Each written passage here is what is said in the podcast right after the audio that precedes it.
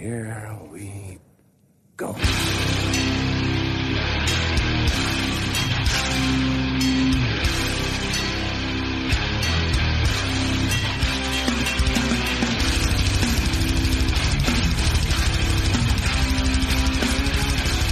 Ja men sådär då, nere på noll avsnitt 144 Tillbaka i era öron här igen. Jag, Robin Lindblad, sitter här med Danne Nätterdal. Boom. Ingen David Olsson idag, han är på uh, resa Ja, han är ju på, på dejt. Ja precis Han har, han har dejtat sig igenom hela Skandinavien och Nordeuropa och har nu börjat beta av södra Europa.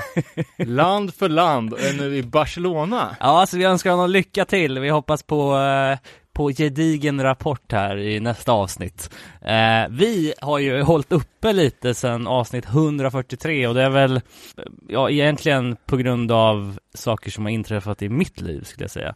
Det är Eh, väldigt skönt att ha det här sittandes vid bordet. ja, det känns Välkommen tillbaka. Tack, alltså. tack. Det känns fantastiskt att vara tillbaks. Jag har sett alla meddelanden och jag har eh, liksom, de har verkligen hittat en i den här situationen som eh, vi inte har pratat jättemycket om mer än till våra närmaste då, men eh, vi har ju en eh, liten son på gång eh, som är beräknad till första september och vi var på så här rutinultraljud som man gör efter 18 veckor och då såg de lite konstiga saker på det. Eh, så då får man ju gå vidare med massa tester liksom. Och man, man, man lever i någon slags jävla bubbla av ovisshet i typ två, tre veckor innan man vet liksom om det är något. Eller, och, och liksom den här liksom bredden av olika saker som det kan vara. Liksom allt ifrån att nej men det, var, det är ingenting som är allvarligt, det är bara att fortsätta. Eller liksom bara, ja, det här kommer garanterat sluta i missfall eller liksom att barnet lever i typ en timme liksom. Eh, och man vet ju inte. Så att Total ångest. ja, det var verkligen så det var, man kunde inte göra mycket annat än att ligga i sängen och typ våndas. Eh, men ja, vi fick så jävla mycket stöd från, från folk i vår omgivning och alla som hörde av sig och sådär så att eh, och nu har ju allt gått bra. Nu har vi fått besked om att allt är lugnt liksom. Så nu kan man ju, nu har vi ju jag tror att vi har köpt, fan, vi har köpt två fucking påsar med barnkläder liksom. Man har inte vågat innan du vet. Eh, så att, eh, ja fan, nu jävlar. Nu känns det kul att kunna dra igång eh, den här sommarsäsongen av Nere på Noll, där vi har sjukt mycket roliga saker planerade. Och eh, alltså igen, hjärtligt tack både till dig Danne och David som har varit otroligt bra. Alla lyssnare som har hört av sig. Alltså det är forward and onward liksom. Härligt. Ja, det, det har ju varit en, en pers för oss som har stått, stått bredvid också. Och jag pratade med min, med min fru om det, liksom, hur vågar man ens skaffa barn när det, kan, när det är sånt här liksom. Det är ju, ja, det, kan, det tar ju knäcken på en, bara oron liksom, att någonting kan gå fel. Ja, Så det är skönt att ni kom ut på, på den ljusa sidan, så jag kan gå vidare. Ja, verkligen. Och det ska vi göra idag. Vi ska snacka om eh, lite mer eller mindre kända bolag som vi, alltså eh, huvudtemat kom sig av att jag fick frågan från någon eh, i någon replokal bara, men vilka bolag är det som finns i Europa nu för tiden egentligen? Och vi har ju skickat till alla de stora, vilka kan vi skicka till mer så här? Man bara, ja fan. Jag har heller ingen aning.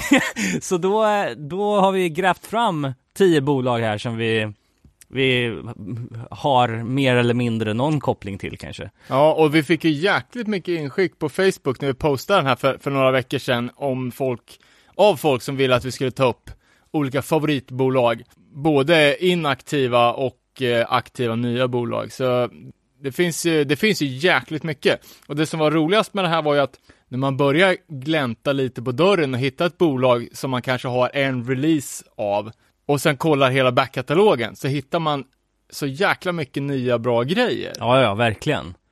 Allt så här band som, eh, som man aldrig hört talas om, som bara låter så jävla bra, eller många band som man inte ens kan uttala som låter så jävla bra, vilket vi kommer komma till i min, när jag rör mig lite österut i mina bolagsspaningar här. Ja, ja, och vi försökte ha lite geografisk bredd också för, Mm. för ovanlighetens skull. Så att, eh, men det är också mer att vi har listat bolag som har en liten backkatalog än de liksom mest creddiga, obskyra bolagen som har släppt den senaste hype-demon. Nej men nu är det- exakt. Nu är det lite mer lång och trogen tjänst i underjorden. Liksom. Exakt, exakt.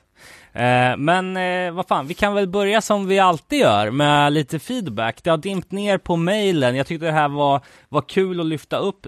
Eh, och, och igen, alla ni som har mailat, vi har sett det och det är lite sent sena på att svara bara. Det här kom in i mars, men det är väl ändå aktuellt. Det är Mariestadsbaserade Deny som har skickat in sin split med eh, bandet Chernobyl.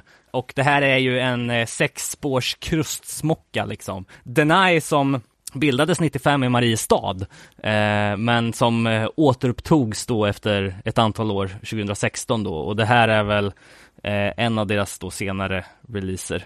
Eh, som är värd att kolla in om man gillar krust och käng och snabb jävla eh, snabbt mangel liksom. Vidare så kom det in från en Andreas Vendin. Eh, han skrev eh, Tja!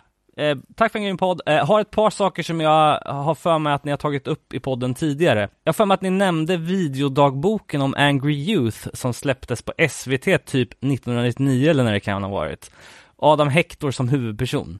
Eh, jag visste att jag hade det där inspelat på någon VHS någonstans och eh, nu har det där klippet oväntat dykt upp från gömmorna och digitaliserats.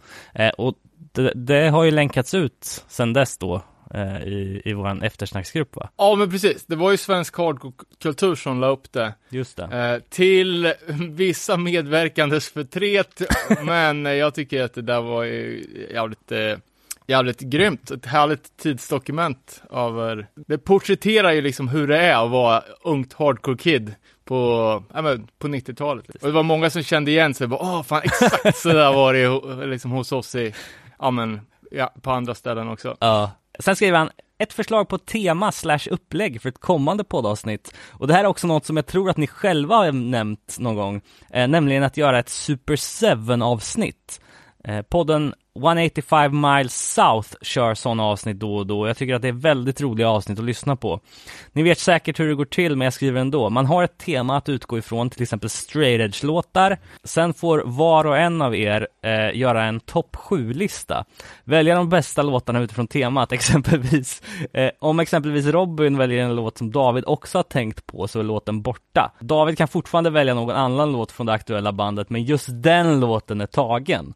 Så man måste ju ladda upp med fler än sju låtar ifall någon av ens tänkta låtar väljs av någon annan. Efter avsnittet får lyssnarna rösta på vem som har den bästa topp 7-listan. Det kan behövas lite taktik för att få igenom den bästa listan.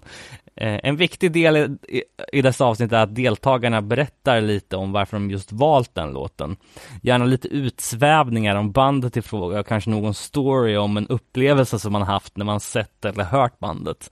Tror förresten att det kan vara bra att bjuda in någon gäst om ni ska göra ett sånt avsnitt. Det blir lite svårare för er att, det blir lite svårare för er att få igenom er tänkta topp 7-lista och roligare för oss lyssnare att lyssna på om det är fler personer som är med och väljer topplåtar. Ha det fint, Andreas. Eh, det låter ju fantastiskt roligt. Ja, alltså, jag, jag har också tänkt på det med, eh, typ, dragit mig för att man inte vill rippa någon annans koncept. Eh, sen är det, alltså, en Super 7 är ju liksom inte ett, ett fenomen. Det, jag tror jag kallar det, det är så här, fantasy football drafting är det väl som leken heter från början. Det. Och, och Super 7, det är ju för att han Sax som har den här podden, han är ju ett eh, så här, superfan av Mystic Records. Ah. Och Mystic Records hade ju ett underbolag som hette Super 7. Aha, okej. Jag tror att det är därifrån.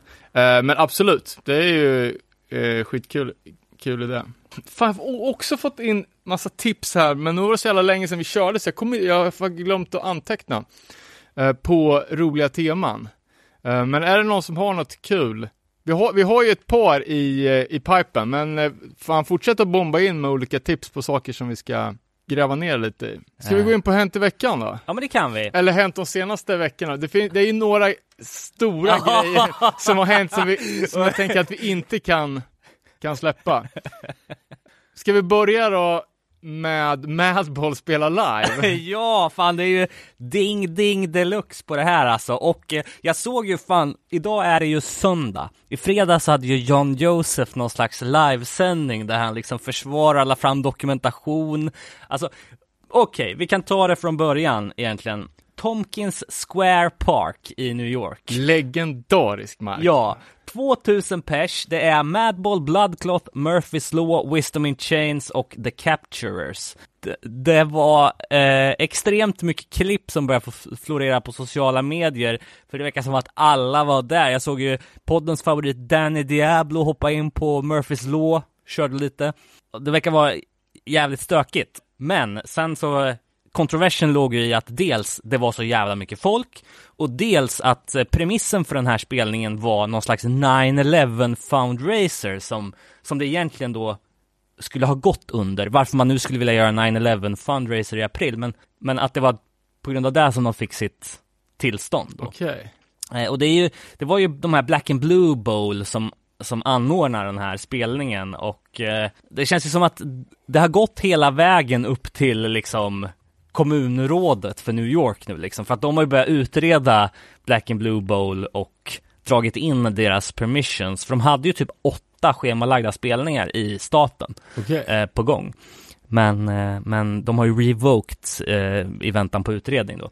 Eh, men framförallt så har det varit JJ himself som har eldat på liksom i sociala medier och kallat för, alltså hans vanliga jävla hans vanliga spel som han brukar få. Ja, och det här har ju fått sån jävla spridning, alltså det var ju på Aftonbladet i Sverige och USA-podden tog ju upp det och ja, ja, så att det har ju fått liksom jättemycket spridning utanför punkvärlden. Och de flesta var väl liksom ense om att det var jävligt oförsiktigt gjort.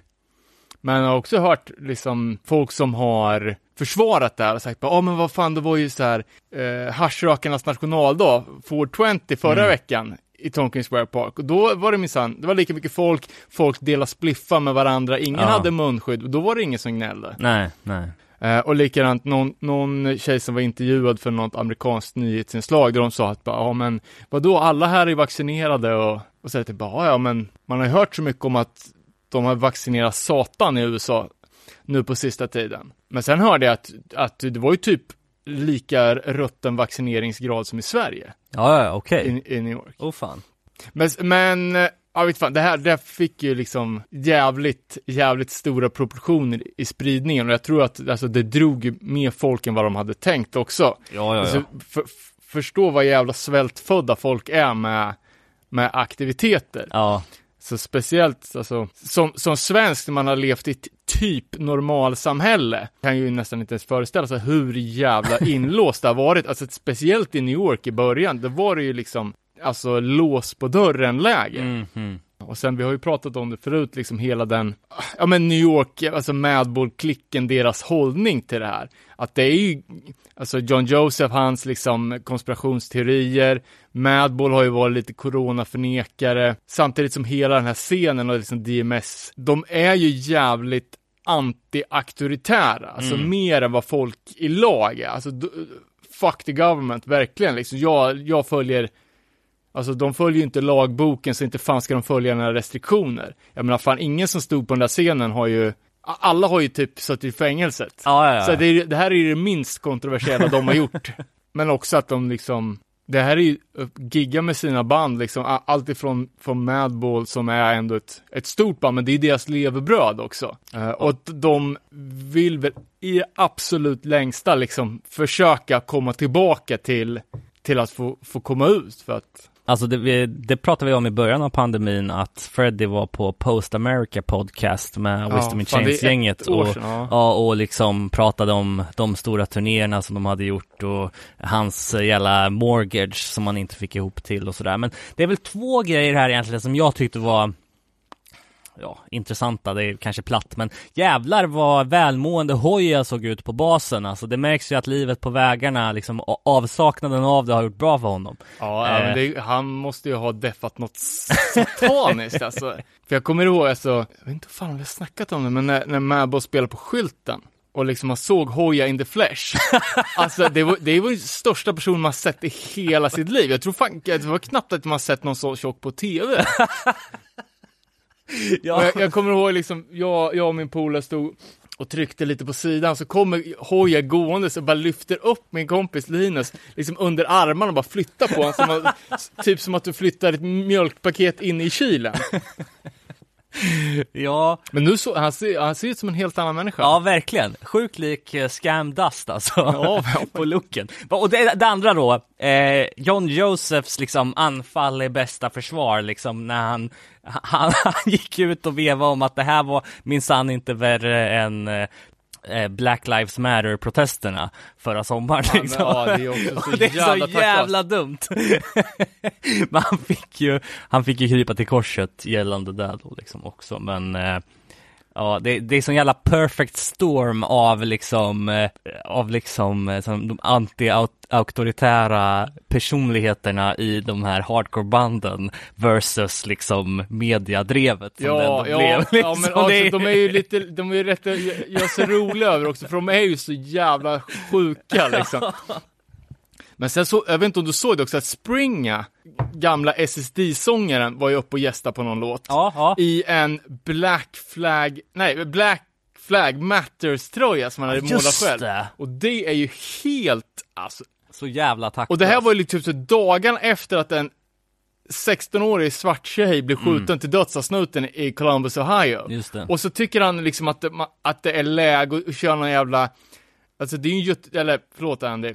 Det är, det är liksom en ordvits att köra, och, och, och liksom typ spela ner Black Lives Matter som är liksom på liv och död Ja. för, för vissa människor, blir något jävla skämt för dem. Alltså, det är fan så jävla smaklöst. Mm, mm. Nej, rikt, riktigt jävla dåligt. Men sen så tänker jag liksom att mm, Madball och, och den klicken, alltså de är ju inte, det är inte vänstermänniskor, de har liksom inte det här solidariska tänkandet, de är ju liksom mer individualister och liksom survival of the fittest gatubarn som hasslar för, for living, de skiter ju liksom i, i kollektiv. Ja, exakt. Så därför vart det lite, lite förvånade faktiskt när eh, OS i PK, Flufffest, annonserat att de ska köra sin festival i sommar. Jaså? Det var som fan. Med Integrity som headline. Så det är ju också, det känns ju superskumt. Ja, verkligen. För det är ju, det är ju de sista som man tänker ska, ska dra igång liksom. Ja. Ja. visst att den här jävla punkrock bowling i Las Vegas, eh, liksom, det förväntar man sig ändå. Eh, och även liksom att, att festivaler går av stapeln liksom i Land of the Free. men, eh, men liksom att det skulle ske i Europa på det, det ju Nej, det, det var fan jävligt förvånande. Men, men, men eh, uppföljningen på det är ju liksom, eller på andra sidan myntet då skulle jag säga att vi har ju pratat om eh, band som har börjat annonsera liksom datum till hösten och sådär nu i Europa och sådär. Men det är faktiskt nu, eftersom det var ett tag sedan vi spelade in, så är det väldigt många som har flyttat dem redan till 2022 och framförallt eh, Lagwagon som eh, man, man har sett fram emot att se i Göteborg sedan de annonserade den spelningen 2020. Eh, nu, eh, nu är den spikad till 2 augusti 2022 på Pustervik. Sjukt. Eh, så då kan man gå och kolla på Lagwagon. Eh, de kommer också spela i Oslo och Köpenhamn. Eh, inget Stockholmsdatum än vad jag kunde se. Även bandet som jag har för mig att du och da- eh, David skulle upp och se på Gröna Lund. Social Distortion. Just det. Eh, det blev ju inte av. nej, det, Eh, det, och eh, nu har de också annonserat nya datum, men inget Stockholmsdatum. Eh, det närmsta är ju då Oslo den 13 juni 2022. Eh, men vad jag kan se så spelar de i Finland den 7 juni och sen så spelar de inte i Oslo förrän den 13. Så har ni lite tur där så kanske 12 eller så kan komma något datum i Stockholm. All right. Ja, apropå eh, på kommande gigs då, så att s- skylten ska öppna en utomhusscen. Jaha, men det har de ju kört. De körde ju för fan det i eh, ja, men slutet på förra sommaren tror jag. All right. De körde en liten utomhusgrej. Var, var det några band bokade? Ja, jag, jag, jag såg bara en, en Instagram-post att de hade fått klart med att det skulle bli. Jag vet inte om de hade sökt något kulturstöd eller någonting för att kunna köra Just på. det. Det är fan på tiden att vi får återvända dit. Kommer du inte ihåg hur exalterade vi var när vi var där på? Ja, Tragedy. Ja, precis. Tragedy. Då kände, då kände man ju jävla pepp i luften, det var mycket folk liksom. Ja, Sen hade alltså- man inte hört ett piss. Nej, ja. Nej, det kan jag bero på omständigheterna, men det känns som att det varit eh, jävligt tyst därifrån. Mm. Vi kan fortsätta på Integrity-spåret då. Eh, utöver att headlina Flufffest så har de eh, annonserat att de ska göra en live performance där de ska göra covers på eh, det här jävla eh, shoegaze punkbandet Nothing. Eh, och Nothing ska göra covers på Integrity och det kommer bli en sjua av det. Det ska streamas via Two Minutes to Late Nights Bandcamp. Jag vet inte om det är ett bolag eller om det är något annat, men eh, Ja, det, det har ju redan varit, det var ju häromdagen. Jaha, okej. Ja, just det. För det, här, det här var en eh, äldre nyhet. Ja, precis. Så- Nej, det var igår. Och så, den här jävla sjuan, den gick ju bara beställa under den dagen som giget var. Jaha, okej. Fy Eh, och så ska de bara trycka upp så många ex som de får. Men beställde du då? Ja, såklart. Eh, men jag, jag är mer intresserad av att höra hur Nothing tolkar Integrity Ja. än tvärtom. Jag tror att det kan, det kan nog bli skivans behållning. Det tror jag med. Mer punk då på Netflix. Eh, Joey Ramone kommer få en eh, Netflix special eh, som kommer vara dramatiserad. Det är den här Saturday Night Live-komikern Pete Davidson som kommer spela Joey Ram- Ramone då. Det är då en eh, serie som är baserad på den här I Slept With Joey Ramone. Eh, boken som skrevs av eh, Mick Lee. Och det är väl det som det är känt om den hittills då. Den kommer släppas antingen i slutet av det här året eller början av nästa år. All right. Ja, fan, det kan ju bli kul. Det finns ju garanterat mycket craziness som man, som man kan göra ett bra manus av. Ja, ja, verkligen. Veckans Chromags då. Den, eh, utöver då John Josephs eh, tokigheter så har de, alltså det, det andra Chromags med Harley i spetsen har, har denounsat eh, den kommande Age of Quarrel reissuen. Ja, just det. Visst fan. För det, det är ju Record Store Day som kommer göra ett släpp där. Eh, vi kommer återkomma till vad exakt de kommer släppa, men det är ju en av deras, de här drops liksom. Det här, den här Age of Coral har ju haft, den har ju varit, det varit konflikt till den plattan ända sedan den släpptes 86 med Rock Hotel och ja, eh, och de har ju bråkat om rättigheterna till det här då. Eh, och den här 2021 re-releasen eh, var listad som att den skulle släppas av Rock Hotel. Men eh, tydligen så är det ingen från vare sig Camp av bandet som har provat den. Liksom. Nej. Eh, Nej, men de- har väl, alltså det är väl bolaget som har köpt rättigheterna till den totalt. Ja, ja, Harley säger att de jobbar med att återta rättigheterna till, Ja. till den då, så att, eh, vi får väl se. Nej, nej, för, för jag såg den när den där nyheten släpptes och eh, det hade ju varit skönt om det inte kom en ny press.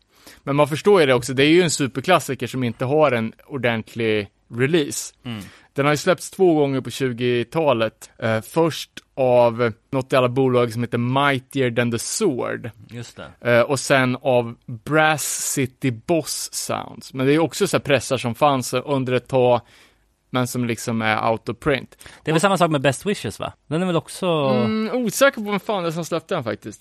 Eh, men nej, för, för de pressarna ligger John Joseph bakom. Okej. Eller det, det är hans del av Chromax. Och nu är det liksom Harley som, som äger rättigheten till Ja. namnet, så nu är det han som ska för, förhandla fram någonting. Just det. det. Det återstår att se vad som blir av den då, men eh, de har ju faktiskt börjat eh, släppa vilka drops de ska göra på Record Store Day. Ja, Record Store Day har ju, liksom på grund av covid, vi har pratat om det, haft sina RSD drops. Och i år kommer de ske på 12 juni och 17 juli. Eh, och eh, listan på plattor som kommer 12 juni har då släppts. Det kommer vara reissues av Ramones, The Clash, Joe Strummer, Chromags, DOS, Beastie Boys, Black Sabbath, eh, Devo, jättemånga mer. Eh, det finns en hel lista att kolla upp, men som sagt, Age of Quarrel är ju, är ju med där då. Eh, och det är 12 juni som gäller om man ska haffa något av det här. Det finns en hel lista på, på alla plattor på eh, recordstoreday.com. ska jag sticka me- mellan med eh, nyheter från Sverige idag? Ja. Greetings from Sweden. Eh, ny samlings-LP. Vi var ju och tisa lite om det medan det fortfarande var hemligt. Eh, det är ju från eh, Marcus Quarantine Fanzine som ligger bakom. Eh, det är en 17 låtars eh, samling med medföljande scene och poster, 300 ex i första pressen. Mycket ro eh, roliga av de nyare bra banden, Manic Ride, Vidro, Pablo Matiz, eh, Obnoxious Youth, Lepper, Nice. eh, uppsnackade Nowheres och eh, ett band som var nytt för mig men som har kört på ett tag var ju Antimetafor. Marcus sa att det var det, det mest hyllade av, av banden på sam samlingen. Eh, av ja, kommentarerna som, som hade kommit in efter att den släpptes digitalt. Eh, så, så det var jävligt, jävligt coolt faktiskt. Eh, men jag tror att det var, det var på vippen att bli, bli utsålt Jaha, och fan. på direkten, så det var ju jävligt fett. Gött med ett fanzine och en skiva i samma. Ja, ja men det blir som en jävligt saftig booklet. Liksom. Ja, precis. Eh, såg jag att eh, punkgänget Blisterhead är på gång med ny platta. Stormy Sea, som jag fick det till, är bandets femte fullis. Eh, och den finns uppe för pre-order nu på bland annat Lake Town Records. Eh, det är ju lite åt hattpunk-hållet, eh, jävligt svängigt. Jag förstår. På, på tal om det, jag bara fick en, eh, en blixt i huvudet nu på um, den här Greetings from Sweden. Är inte det där Karlstad krustbandet som vi snackade om med på den också? Blackouts någonting. Eh, jo, Chronic Blackout. ja, exakt.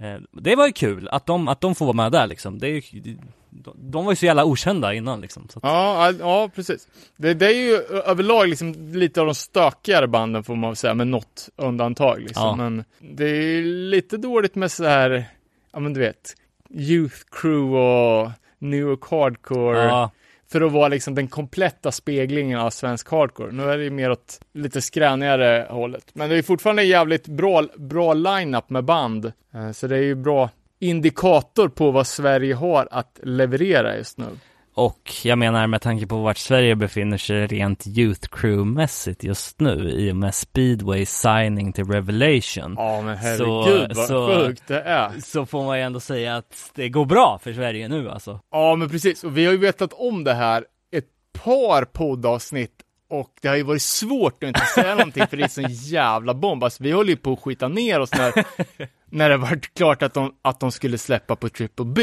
Alltså vi har ju pratat om, om det här många gånger liksom, men hur det här jävla Europahatet från, från amer, am, amerikanerna liksom, man, när de aldrig kan ta någonting från Europa seriöst och hur jävla svårt det är för ett, för ett europeiskt band att ens få turnera i USA. Mm. Eh, Så det är jävla, jävla fett att det blir lite recognition. Och jag, jag, jag, får liksom inte riktigt ihop det liksom, v- vad det är. Alltså det är ett skitbra band, men liksom det, det måste det måste ju vara något jävligt speciellt som sticker ut liksom, som gör att de, alltså Revelation kan ju signa vilket jävla band som helst liksom. Mm. Och släpp, det är ju bara liksom nästan de största banden i genren. Eller alternativt då till exempel Sammy Sieglers nya band och sånt. Eh, Så först så skrev jag liksom, åh grattis killar, vi, ja, vi såg nyheten, skitkul liksom. Fick svar direkt. Och sen så, så skrev jag bara, men du, vad tror ni det är de ser och ser liksom? Det är helt sjukt att de ger så ett litet svenskt band chansen. Då var det bara, dead silence. så nu har jag bränt mig i Camp, i camp Speedway här. Men jag, ja, jag tycker fortfarande det är jävligt fascinerande. Skulle vilja fråga liksom, Alltså det måste ju finnas någon, någon, någon tanke liksom att de ska jobba med det grafiska för att lansera, för de har ju en ganska speciell estetik och ett speciellt namn liksom. Det måste finnas ett jävla helhetskoncept tänker jag från Revelations sida. Eh, Ja, nej men det är, det är jävligt fett och de släppte ju en promokassett till det här. Eh, Jag har inte hunnit lyssna än, min, min eh, boombox har ju börjat tugga band här nu, så jag vågar inte spela, ja, fick hem min Raid-demo som vart pissdyr med, med port och tull och skit. Och Ja. första, första spelningen bara, Aj. då måste jag köpa en ny bandare också. Hur som helst, eh, Speedway kommer med 100% säkerhet eh, bli ett släpp för vinylklubben. Eh, jag tänker att alla kommer vilja ha den här så att eh, ni kan veta om det, så att folk som nöjer sig med en kopia och är med i vinylklubben kan sitta lugnt i båten, att den, den kommer landa hem i brevlådan. Eh, det är ju annonserat att det ska bli en sju av det här dessutom, så det kommer ju bli svinfett. Asbra. Eh, och på tal om vinylklubben så har vi ju eh, både maj och juni-releasen klara. Så att det kommer bli... Eh, Next level. Ja, verkligen. Jävligt drag. Sen så, jag vet inte hur, hur han ligger till och hur Rancid ligger liksom rent så här tvivelaktig merchmässigt. Men Tim Armstrong steppar ändå upp här såg jag i och med att han ska släppa en serie av NFTs. Vet du vad det är? Ja, ska han också göra Ja! eh, det är ju liksom, man köper ju någon form av unik digital fil liksom. Eh, och den här kommer då heta Skull Family och eh, kommer att bestå av fem separata filer som man kan köpa. Eh, de kommer säljas via Makers Place som är en slags eh, plattform. Det är, det är jävligt många artister som har släppt NFTs, typ Grimes, Kings of Leon och NoFX NoFX, ja, exakt. Men jag fattar inte, är, är, är det, är det non-fundable eller tokens? Non-fungible token. Fungibles? Ja, jag vet inte fan vad det är, men, men det är ju så här eh, det är en massa data på eh, liksom någon sån här blockchain krypterad grej liksom. Men är det en Eh. av en då? Ja, exakt. Ja, jag vet inte fan, va, va, ja det är ju såklart att liksom skämma ut folk på pengar, men Ja, det är ju, eh, jag såg att några hiphopartister som jag lyssnar på har gjort samma sak. ja. Eh, men då är det liksom så här. Åh, det är en av en eh, och det är jag som rappar på ett static selecta beat liksom. Och då får folk bjuda liksom. Ja. Det blir ju, ja, det är lite det här som Wu-Tang Clan gjorde för flera år sedan. med silverkisten. Mm. För, jag såg Fat Mike hade ju något, ja men han berättade om den där grejen att, att han skulle släppa det och, och så här. Och så sa jag bara, "Ja, det är jag som skriver alla låtar och jag har ju inspelat min telefon. Jag, jag brukar ju skriva låtar när jag spelar akustiskt och sen så blåser jag väl av en tio olika varianter på varje låt innan jag hittar den som, kommer, som blir den skarpa låten. Ja, ja, ja. Så han sitter ju på en jävla, ett jävla bibliotek liksom. och sen nu när man vet att NoFX har ju alltså en av de mest die hard fanbaserna som finns. Att folk, alltså NoFX skivor kan ju bli så inåt helvete dyra. Vi snackar 5000 dollar för SMM, SNM Airlines på röd vinyl och så. Ja, ja, ja. Så helt jävla bananas. Och jag tror det var den där jävla Decline 12 va? Ja, men precis. Som sålde också så för 10 000 spänn eller Mm. mer. Liksom. Det är helt galet. Eh, Det värsta exemplet på det här som absolut går under ding ding värld, det är ju, eh, du vet Fire Festival som var liksom ja, som det, inte var. Ja, nej, precis. De har ju settlat nu liksom den stämningen som blev så att alla som typ hade biljett dit eller Okej. alla som hade varit med i den här class action lawsuiten Ja. ska få 7200 dollar var, vilket är Shit. ganska mycket pengar. Ja. Liksom. Men Bara folk som inte behöver några pengar tillbaka heller. Nej precis, en av dem är ju Ja Rule, han är någon jävla rapper Nej men det är han som, det är han som ho- hostar hela festen. Ja det kanske, ja så okej Det var ju Ja Rule och en investerare. Ja precis, jag trodde bara det var han investeraren som var, nej okej,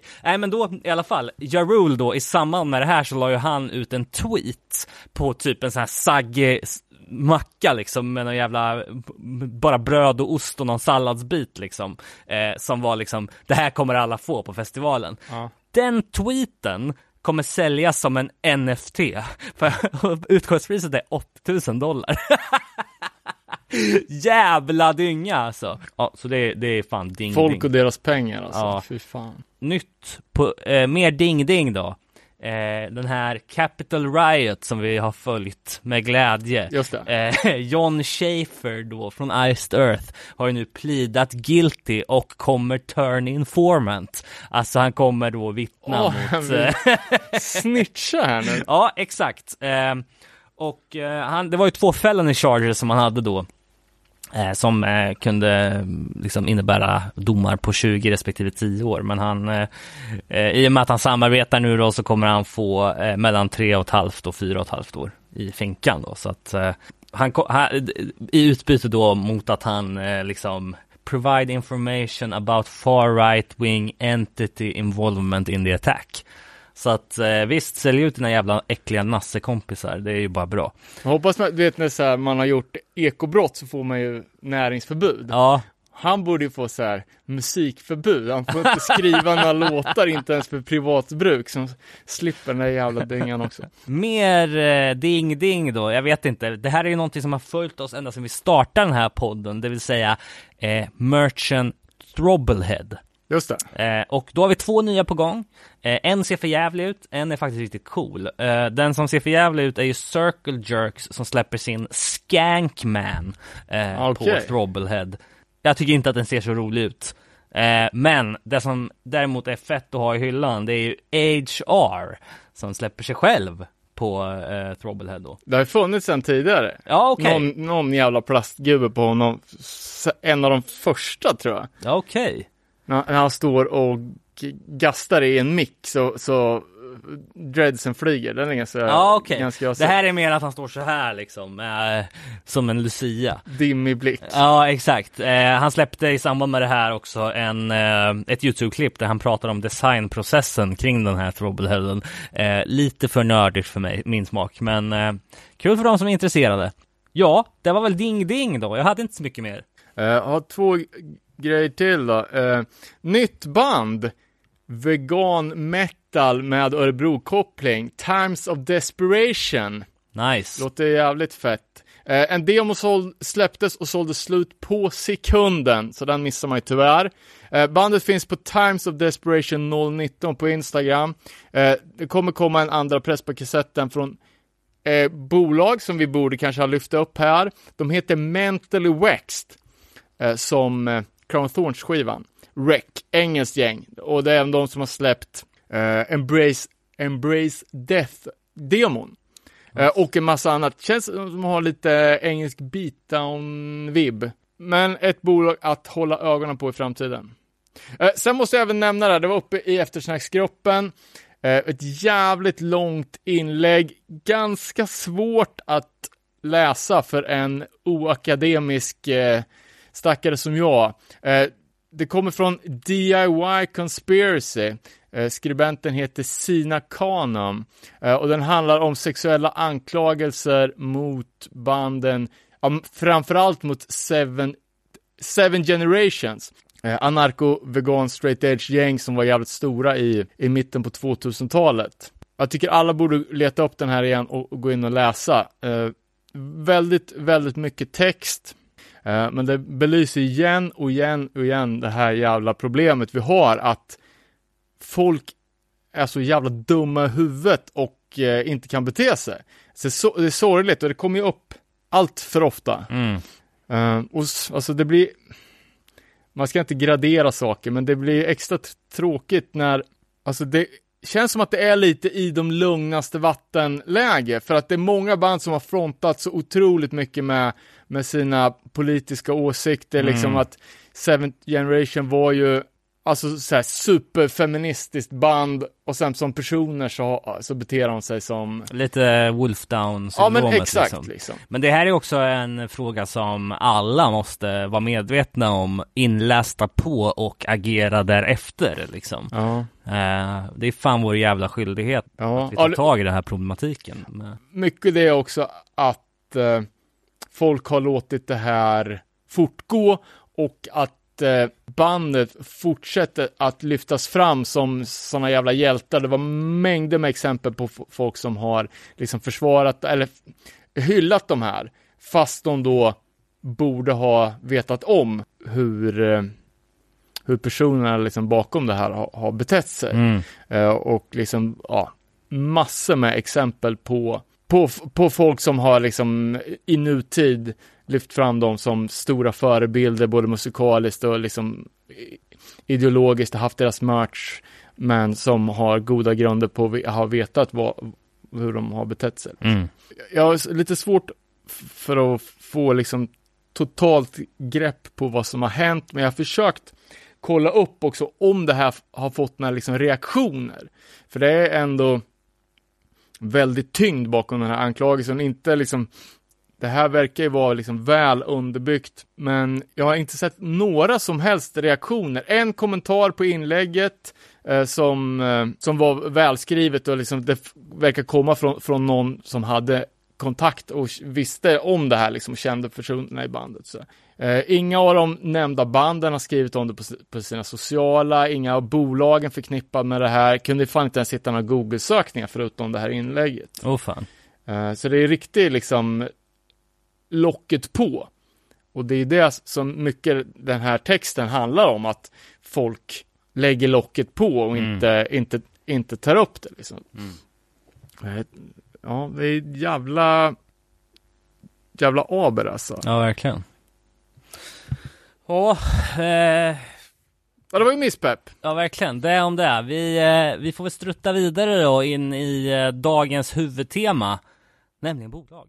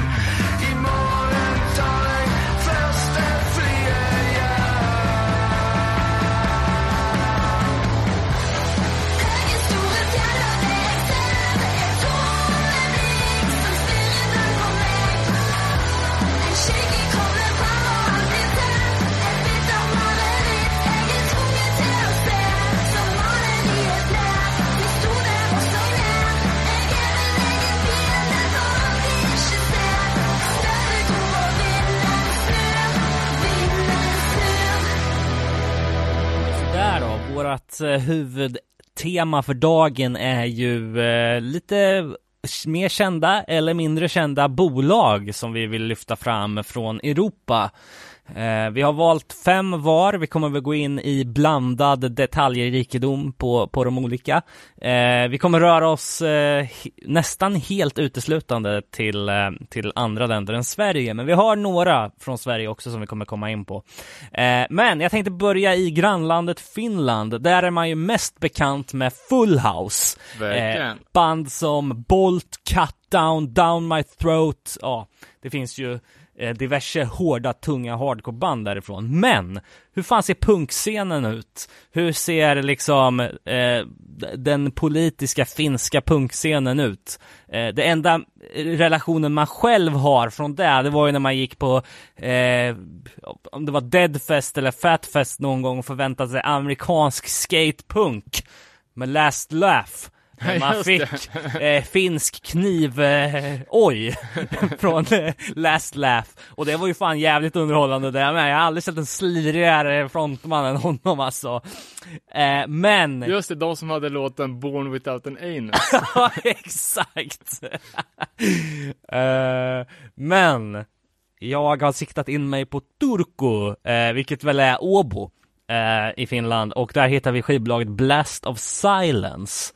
Eh, det är ett eh, enmansbolag, eh, en snubbe som heter Ilarl, Ilarl, eh, någonting sånt. Jag säger det redan nu, jag kommer, jag kommer inte kunna uttala hälften av de här banden, men jag, ska försöka. Han är i alla fall en finsk punkare som har varit involverad i scenen jävligt länge. Han, han hade en idé om att starta ett bolag eh, och från början så tänkte han, ja men jag kan gå ihop med lite polare och göra det här. Men sen så blev det ändå som att det blev hans projekt. Själv är bäste Eh, drängs. Ja, exakt. Och det han säger själv att det är hans sätt att ge tillbaka till den scenen som han älskar. Eh, det började då 2009 eh, med honom och hans, eh, hans kompis Jarko från Svart Records. Eh, de eh, drog på spelning och såg eh, MOTO, är det ett band som du har hört talas om innan Danne? De, the makers of the obvious, Nej. New Orleans punkband som bildades 81. Eh, de har släppt ganska mycket, men Annars kan jag ju tipsa om Tulsa, Okla- Oklahoma-bandet NOTA. Eh, None of the above. ja just Också det. extremt bra US hardcore. Nej, men de där hade jag inte hört talas om. Nej, eh, de eh, har släppt jävligt mycket, eh, liksom, det är ju garagepunk Ah, okej. liksom, mer. Eh, bildades i New Orleans, Louisiana i början av 80-talet då. Ilarl, alltså Ille, jag kallar honom för Ille från och med nu. Ille och hans polare Jarko åkte till Stockholm då, eh, eh, Viele Montage, finns det tydligen något spelställe i Stockholm som heter. Eh, och eh, efter spelningen med Motor då så träffar de Paul Caprino som spelar i bandet och eh, de kom överens om att de skulle re-releasa Kill Moto LPn, LPn eh, med honom då på sitt bolag och det var den första Blast of Silence-releasen eh, även om det inte var någon någon label-logga på covern så var det ändå under Blast of Silence som den här släpptes då. Eh, sen den första officiella releasen var LPn No Way Street från eh, Moto också, som de släppte 2012.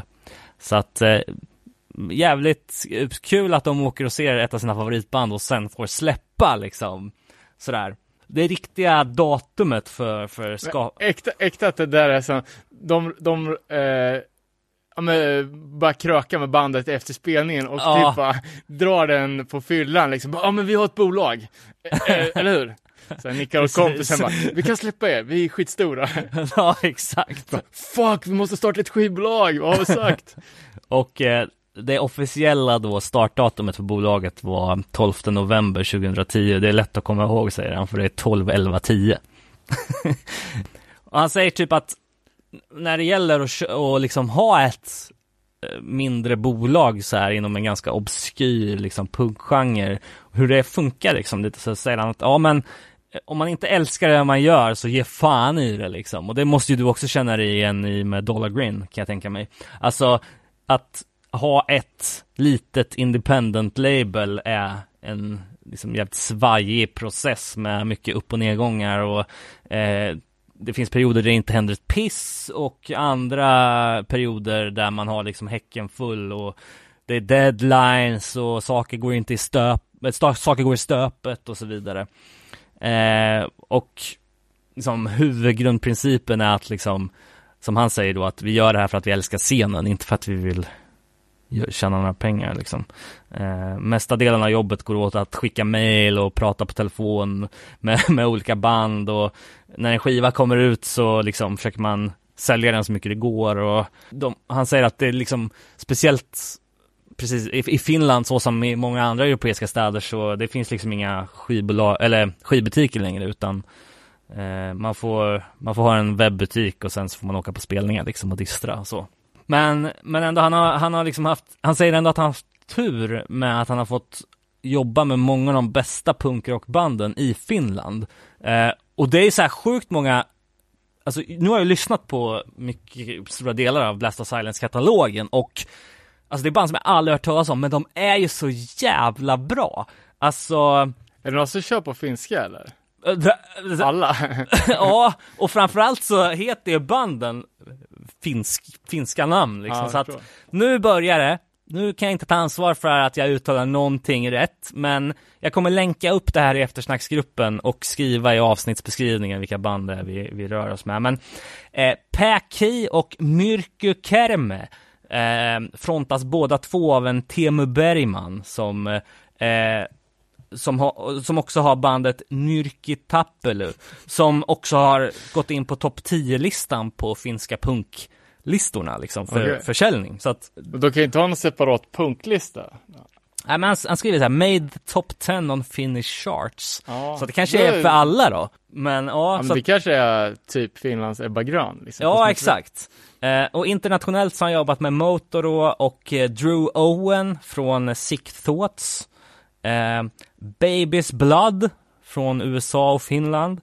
Och eh, han har också träffat en snubbe som heter eh, Johnny, Ik- Johnny Ekman. Johnny Ekman, jag vet inte. Ehm, och eh, han träffade honom redan när han var eh, i tonåren och han har ingen aning om hur liksom eh, talangfull han var. Men eh, han har ändå släppt tio releaser med honom fram tills nu. Okej. Johnny Ekman, jag vet inte fan eh, om det är liksom mer åt eh, bluespunk-hållet eller något sånt. Men, men eh, ja, och sen så har han ju också, och det var lite så här, det var lite så här jag kom in på Blast of Silence då. Han har ju även släppt Waste. Ja men precis, jag Och- tänkte fråga, är inte det de där som du har Ja, hypat? exakt. Och det är ju ett band som är sjukt underrated alltså. Eh, tycker jag. Eh, Waste släppte ju sin eh, eh, eh, Muckadu eh, 2016 på Blast of Silence. Och eh, det, är- det är ju rivig, svängig, melodisk punkrock. Han säger själv att han har tagit litet avstånd från scenen just på grund av att skivbutiken håller på att försvinna och han liksom tycker det är svårt liksom och så. Men, men, men det är inget som direkt representeras av releaselistan för bolaget om man kollar på Discogs. Alltså, han har ju släppt eh, en singel i år, men han släppte eh, fyra styckna EPs eh, förra året. Eh, Ja, men Han kör liksom lite mer utanför scenen band alltså. Ja, exakt. Eh, och band som jag inte har hört direkt talas om, alltså Packy är ju ett av dem som man har släppt mest av. Det är Waste, som också släppte, ja jag sa lite fel innan, de släppte ju sin Kimalus 2018 som också är en fullängdare. Men den har jag inte lys- lyssnat lika mycket på. Eh, The Toxics har han släppt, han har släppt eh, ja, Johnny Ekman som vi snackade om, eh, eh, Tight Jeans. Eh, Bra bandnamn. ett band, eh, The Achtungs, Sick Thoughts, eh, amerikanska bandet. Eh, och sen så här, eh, väldigt många liksom inhemska finska band som man hade hört talas om. Men som har lite roliga namn som The Secrets, Death Laser och så vidare. Men det är ett jävligt spännande bolag. Han, han säger också att så här, ja, i och med att alla, det inte är några spelningar just nu på grund av covid och skiv, eh, skivbutikerna håller på att dö så kan vi bara hoppas att yngre generationer tar vid liksom med do it yourself. Punkscenen kommer aldrig dö men den kan gå tillbaka till källaren och gömma sig just på grund av att det inte är någon aktivitet nu då riktigt på samma.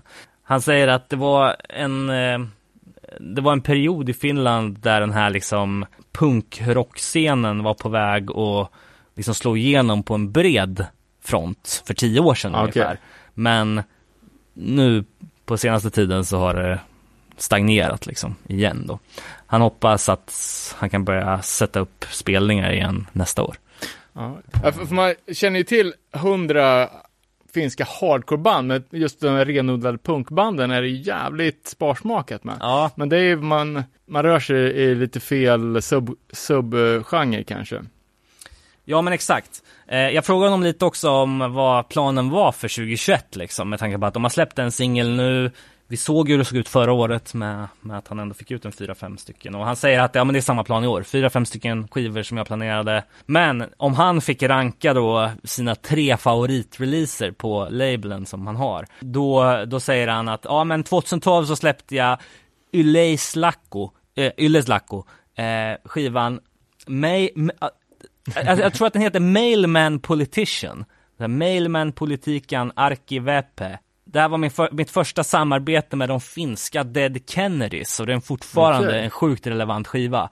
Eh, melodisk, politisk punkrock. Okej, fan det låter ju som är värt att kolla upp. Eh, sen tipsar han om en skiva som han släppte 2014 eh, med, med bandet, det var en splitskiva då. På ena sidan hittar vi Kytte... ja, Ja, du har ju målat in i ett sånt jävla hörn här alltså. ja eh, Kytten Soltiata eh, och på andra sidan hittar vi Varalista och skivan heter ju då Töle Pala Jakuole EP. Det var ett eh, kortlivat projekt, det här första på K, eh, från Teemu Bergman och kompani. Jag tror aldrig de spelar live, men de här låtarna är helt galna. Och på B-sidan så var det en stor överraskning för mig, Varalista, som gjorde sin, eh, sin egen version av ett annat finskt bands eh, låtar. Eh, så det kan man kolla in. Sen på tredje plats så har han eh, amerikanska bandet Baby's Blood då, Amphetamine Commando EPn från 2019. Best fucking punk rock I've heard in years. That says it all, säger han. Ja, man måste ju, vi måste ju försöka länka ut där så folk kan, eh, för ingen kommer ju komma ihåg vad de här namnen är, så vi Nej. måste, vi måste lämna ifrån det, oss det skriftligt där så folk kan följa upp. Eh, och eh, Ilar, Ilar Ille då, han säger eh, all the best liksom. Kul att ni gör det här. Och eh, ja, jag kan bara, det var jävligt fina svar från honom. Han verkar vara en asskön snubbe. Jag vill spela då min favorit eh, mitt favoritband som jag hittat i diskografin som heter Kettyr Lauma. Eh, låten heter Metsen Kutsu.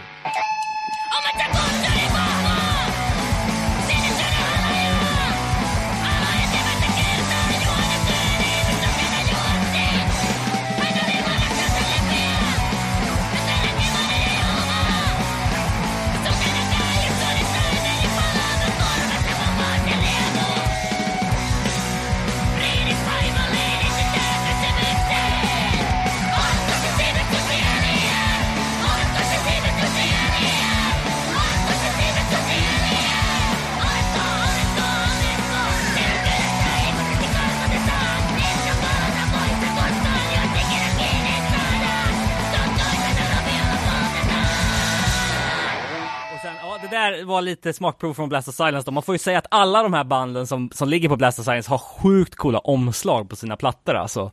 Det är verkligen eh, svartvita jävla eh, skolbokskladdteckningar Ja, liksom. men det verkar finnas ett stort mått humor i det här. Eh, bandet spelar lät ju lite som The Pricks ju. ja, ja men precis. Ösigt. Jag kan, kan bara flika in med ett annat bolag från, från Finland då, som släppte, eh, för de som kommer ihåg, Security Threat. Ett extremt eh, underskattat och grymt eh, straight edge band från, ett finskt band helt enkelt. Eh, de har släppt en kassett reissue på sin mini-CD The Order nu precis i dagarna. Jag beställde den tidigare idag faktiskt. Och bolaget heter Unvanquished Records. Security Threat, mycket bra. Fan vad fett. Eh, och Full House då såklart. Eh, de har ju mest gjort reissues på sina största klassiker. Mm. Eh, men det är ju cred och eloge till det monumentala bolaget som körde väldigt aktivt i typ 15 år. Så. Mm. Ska jag smälla på då? Från finsk punkrock så tänker jag att vi kör tysk grönsaks metal mangel. Eh, Bound by Modern Age Records. Eh, drivs av en snubbe som jag stött på på sociala medier som heter, där heter han X Rule X. eh, jag tror att han heter Tim Rule också, verkar vara en jävla karaktär. Kör 100% vegan power, grönsaksmetal, mycket så här strongman och, eh, ja men typ, gillar att posa med, med balaklava och, och bara över och en eh, shotgun liksom. Eh, li- li- lite svårt att eh, få ett totalt grepp om honom, men jag, jag har köpt grejer av honom, jag har tradat mot Dollar Green-prylar, han är asschysst, verkligen. Nice. Sen när jag frågade om jag fick skicka upp några frågor så bara, ja absolut, jag spelar in ett svar. Och jag har inte hört det här själv, så jag vet inte vad han säger. Men eh, förutom att han liksom all in grönsaksmangel, så han har ju en jävla vurm för hardline estetik. Så att jag ställde på lite i frågorna liksom, hur fan, vad, hur, hur tänker de om det här med, ja men han, han har ju liksom så här vegan rike tatuering och såna grejer. Eh, men bolaget i sig har ju, jag tror de har släppt typ 30-40 releaser på, ja men band från hela jorden egentligen. Typ, eh, ett, ett band som jag lyssnar jävligt mycket på är Vital Force. Eh, typ Archangel Ripoff från Ryssland. Eh, sen finns det ett annat band som heter God's Heritage eh, från Tokyo. Eh, som är folk från det gamla eh, japanska, alltså legendariska bandet Statecraft. Mm. Så det, det är så, så mycket, lite så här reissues på, på 2000-tals sån metalcore-grejer fr- från liksom de, ja men du vet, de största banden s- från 90-talet, deras nya projekt. Och lite reissues på, på grejer, både från, ja men italienska band och, Men mest bekant för oss svenskar är väl kanske Grey State då, som lirar på Stockholm Hardcore ja Fest. men precis, Eh, ja det var ju också en jävla, jag känner inte till dem innan spelningen, det Nej. var ju piss, pissgrymt. Ja, också det här Eden is Gone har man ju hört talas om också innan. De ligger väl också där. Men Mm. Ja, precis. I övrigt så är det sjukt mycket band som, nu när man bara skummar Discogs-listan som man aldrig har hört talas om liksom. Utöver då liksom reissues på Die Young och lite sådär. Men, Ja, nej, men det är vär- värt att kolla upp. Och ett band också som är jävligt coola, eh, Hands Upon Salvation, eh, som är ett indonesiskt band. oh ja. eh, som kör, ja, men det, det, det, de kör en, en liar-cover på, på, på plattan och det är lite åt det hållet. Mm. Så, ja, och, och förutom det så, så såg jag på, på Instagram också en bild på Indonesiens president, Jaha, som ja. är gammal punkare. Så en riktig skinnjacke toppkampspunkare. Vi kör mycket, mycket, alltså små upplagor, typ 200 ex av, av en- en skiva. Eh, mycket så här roliga eh, rip-offs, så här specialomslag när det rippar klassiska grönsaks artworks och Och jävligt eh, produktiva, bo- bolaget verkar vara jävligt produktivt. Ja, Tre ja, men- releaser redan i år. ja, det sprut, sprutar ut grejer. Jag frågade för vinylklubbens räkning om han hade några sjuor i, i, i pipen, men som så många andra så är det, är det bara 12-tumsformatet som gäller. Mm. Eh, Men jag tänker att vi kan klippa in i- intervjun så får vi se vad, vad han säger. Det ska bli kul att höra.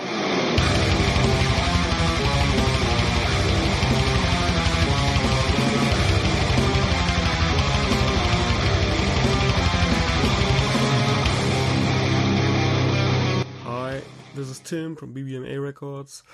Um, so yeah, first question: When did you start?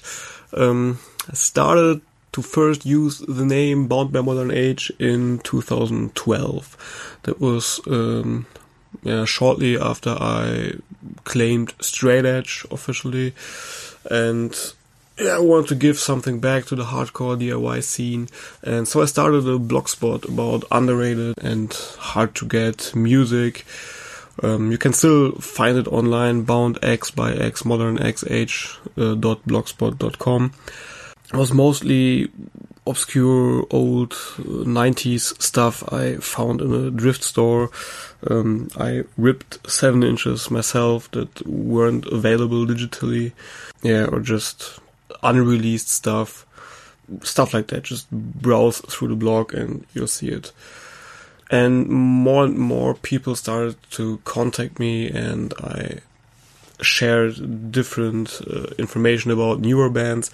And so in 2013, I first published uh, the Bound by Modern Age zine, which was interviews with newer bands and but also some stuff about older bands. I've had a huge article about Hardline and I also added old uh, reviews about 90 stuff. So it was one section with newer reviews, the current releases, and also a section with 90 stuff or early 2000 stuff. Already mostly about vegan straight edge stuff, and yeah, you, you can also find digital copies on the blogspot. And then in 2014, it slowly shifted to a real, to an actual label. I discovered Witness the Fall in was it late 2013, early 2014, um, on the first Repentance mainland Europe tour. I was totally blown away by their demo, and so I decided to follow the band through those four shows. It was Netherlands, Belgium, maybe Germany, I don't remember exactly. However, I at that one Netherlands show, uh, Witness the Fall were the first opener band, and yeah, I got in contact with the guys. I really liked their music, and they were just about to release a full length. And so we stayed in contact. We did an interview for the zine. I brought them to my hometown for a show, and yeah, so we had this idea about a compilation tape about all their older stuff, like a collection release. And I thought, yeah, why not use the same name, Bombermon Age, that I already have for the Blogsport and for the zine. And yeah, so I first used it for a label release as well. BBMA 1 was the Witness the Fall compilation tape in early 2014. Yeah, shortly after that, I had some other friends, bands, and also bands contacted me. First one was Two Ashes, a new vegan straight edge band from Italy. I don't know, I had like three tapes released so far and two zines, and suddenly I got that email on Facebook from Ivan, the singer of Two Ashes. He was asking me if I would want to release their demo. I was blown away that someone actually contacted me, a young new label, and I really liked the music, and so we did the tapes, and they sold out immediately. So it was also my first vinyl release shortly after. I still love them, and I'm still in contact with the guys. Three from five are now playing in Caged, another vegan straight edge hardcore band you should definitely check out. Yeah, so second question, how many releases? It gets more and more. I just planned release number 111, which is crazy. I really wouldn't have thought that I started with BBMA 01. So I, didn't even think about putting three digits there, uh, like BBMA 001 because uh, I didn't think I would ever actually get to BBMA 99 and now I just planned BBMA 111 and it's only seven years so far. It's crazy. Uh, yeah, I still have a very full agenda. I always plan more than is good for me. Uh, I just put four new things up for pre-order. You can check them on bbmarecords.com. Yeah, all the time I say, okay, these four releases are already, I already committed to them, but then that's it. Then I'm going on a short break, whatever. And yeah, then I get two or three new emails or I find a band when browsing through the interwebs and yeah, I have to put it out. Always more on my agenda than what's good for me. How much time do I put into the label? Yeah, if you ask me, not so much, not too much, because I have a bunch of different hobbies as well. I like tabletop RPGs like Warhammer and all that stuff. I do a lot of weightlifting. I read a lot of books. Okay, more comics and mangas, but yeah, I have a bunch of other time intensive hobbies as well. So I don't think I'm putting too much work into the label. But if you ask my wife, pretty much all the time, always. um, yeah, it's true that often our typically romantic couples film evening is accompanied by cutting, folding, and numbering 200 record sleeves. And yeah, I also often leave a party or friends, family, whatever early because I have to pack orders and yes, that's the struggle of doing everything DIY, I guess. Yeah, I could probably save some money if I would outsource some of these things like order a final product, but yeah, it costs more and I kind of like the DIY spirit. You can do more variations and stuff like that if you pack them yourself. I always do these uh, crazy rip-off sleeves. If you ordered a pre-order from me, you will know what I mean. That wouldn't be possible if I would order them shrink wrapped from the plant, you know. What's my best-selling release? Yeah, tough. Um, maybe the first two Ashes 7 inch that sold out pretty good, uh, pretty quick. Um, and I couldn't uh, repress it because the band broke up. Then they got back together, then they broke up again, and now they're back under the name Caged.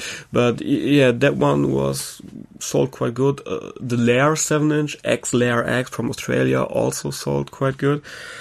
Um, we even did a small repress, but uh, then that was it. They also disbanded. Oh, and definitely Servitude. The Servitude 7 inch sold really good, and I always wa- wanted to do a second pressing. I was begging them to let me do a second press, and then they recorded a new EP, and we were talking about that, and yeah, then they broke up or had to disband. I don't know. You probably uh, noticed the controversy about the band, and yeah, I'm kind of glad I didn't uh, do the repress. because people were posting videos online of them thrashing their seven inches. It was the same stuff like with Wolf Down, Th- though the controversy was not that bad. But yeah, pretty much the same, and wasn't good. But yeah, one year later, people were contacting me again if I would have any Servitude 7 inches left or a test press or whatever. So the hardcore scene tends to be overly dramatic about some stuff and then forget about it half a year later. It's weird. Anyways, and the Destroy Babylon 12 inch that also sold out quick. And um, we weren't able to do a repress because we said it would be a one-time pressing, first time on vinyl after 10 years or so. And just recently, recently is also half a year ago, the band got back together and said they want to tour again. It was one year ago, yeah. And then Corona hit and came in the way and they couldn't tour and we also were talking about the repress or maybe another version, but yeah, it didn't happen because of Corona, so it might still happen, who knows. But we have to see it through first. Most underrated release. Hmm.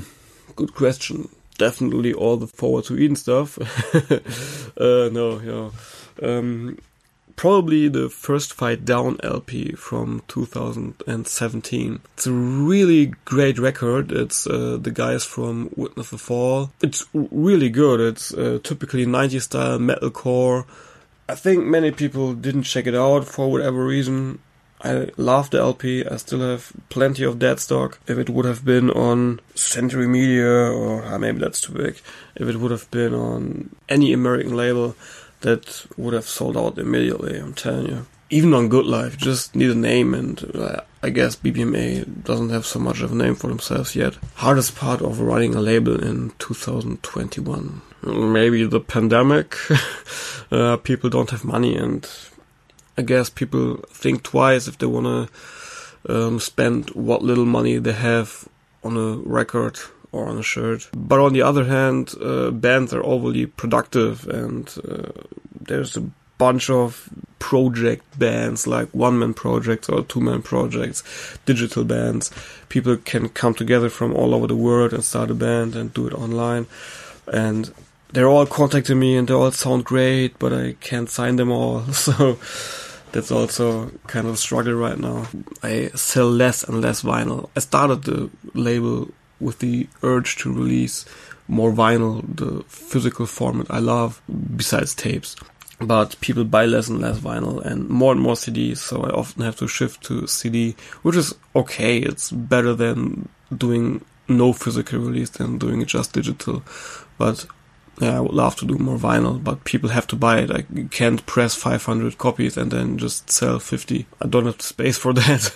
View on Hardline. Yeah, if you're really interested, I guess read the lyrics to the Forward Eden stuff and the manifests that come with it that should explain everything pretty well. I'm all for militant veganism, no matter what. There won't be a revolution without bloodshed. But yeah, Hardline had its ups and downs. There is the idea that Hardline was in the early 90s. It's written down in the first two Vanguard zines.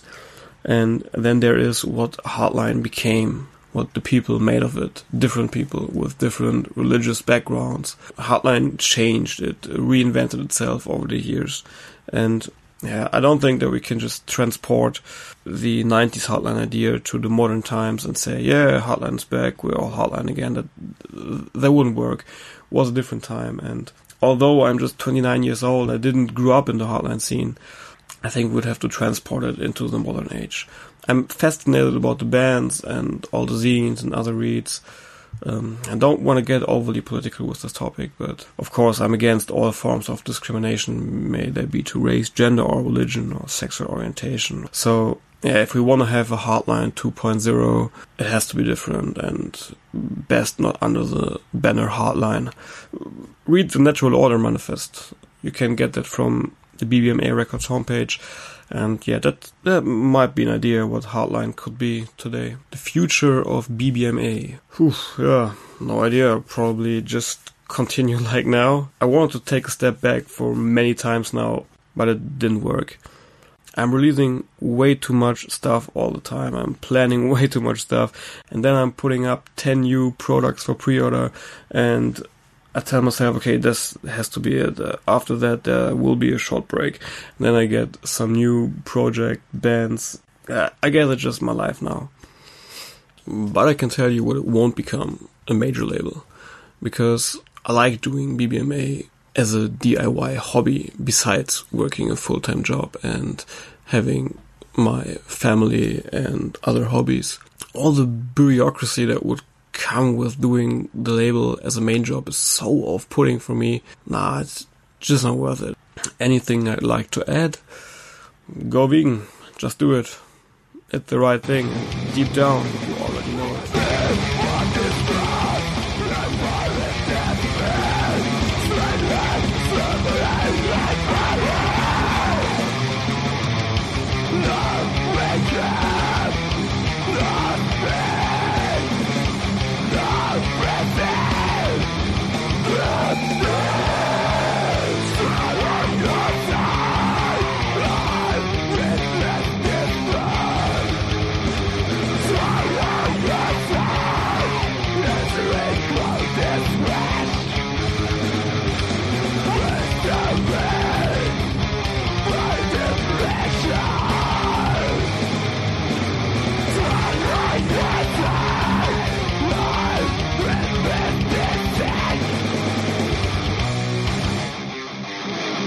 Men Vi kan gå vidare med två bolag då som eh, jag tyvärr inte har lyckats få till någon intervju med, men som ändå är värda att välja. värda att nämna menar jag. Och eh, då eh, rör det sig om svenska Distortion Records. Klassisk gräns. Ja, jag hade ingen aning om att de var från Göteborg. Det här känns ju som ett ganska avsomnat bolag så här 2021.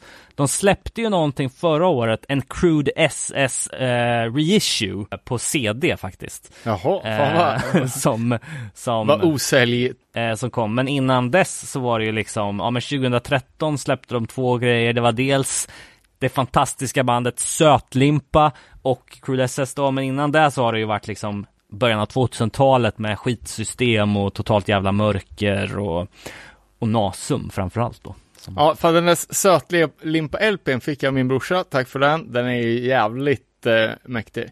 Men jag tänkte när du skrev, bara, ah, men jag ska snacka lite om Distortion, tänkte jag, det måste ju vara något nytt bolag. Jag har inte, fan inte hört någonting därifrån på tio år. Nej, och jag, min, min plan med det här var ju liksom att få tag i någon som, som kunde säga liksom att Nej, det här är liksom bara, jag släpper bara reissues nu eller, eller sådär. För att, jag menar, distortion känns som att det ligger väldigt kärt i många. Jag menar, liksom alla, hela Nasum, alla Nasum-släpp som de har gjort. Accursed har de ju släppt, de har släppt Wolfpack och Anticimex och liksom Ja men det, ja, det känns ju som att det är Disphere. Käng-varianten på Rev typ. Ja, exakt.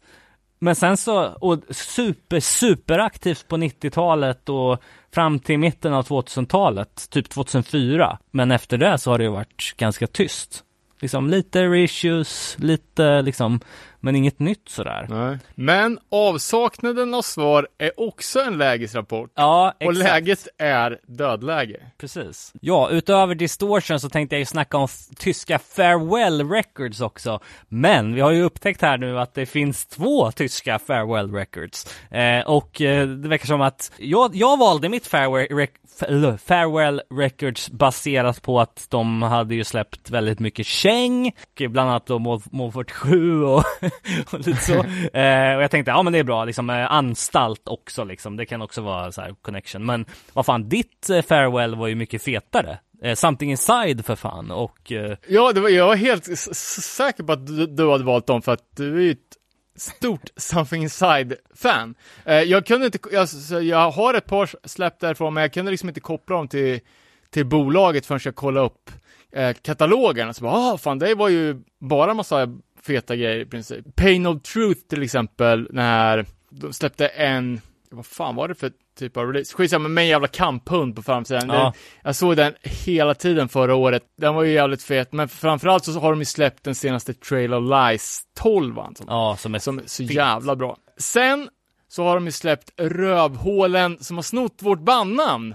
Illblad. Vad fan, vi var först. Ja, Lägg ner. Och sen Piece by Piece och, och de här World Eaters som det var lite snack om för ett tag sedan och en massa, massa grejer. Ja, fan frågan är om det finns någon eh, liksom connection mellan de här, för det låter ju helt konstigt att det finns två bolag från Tyskland som heter samma sak.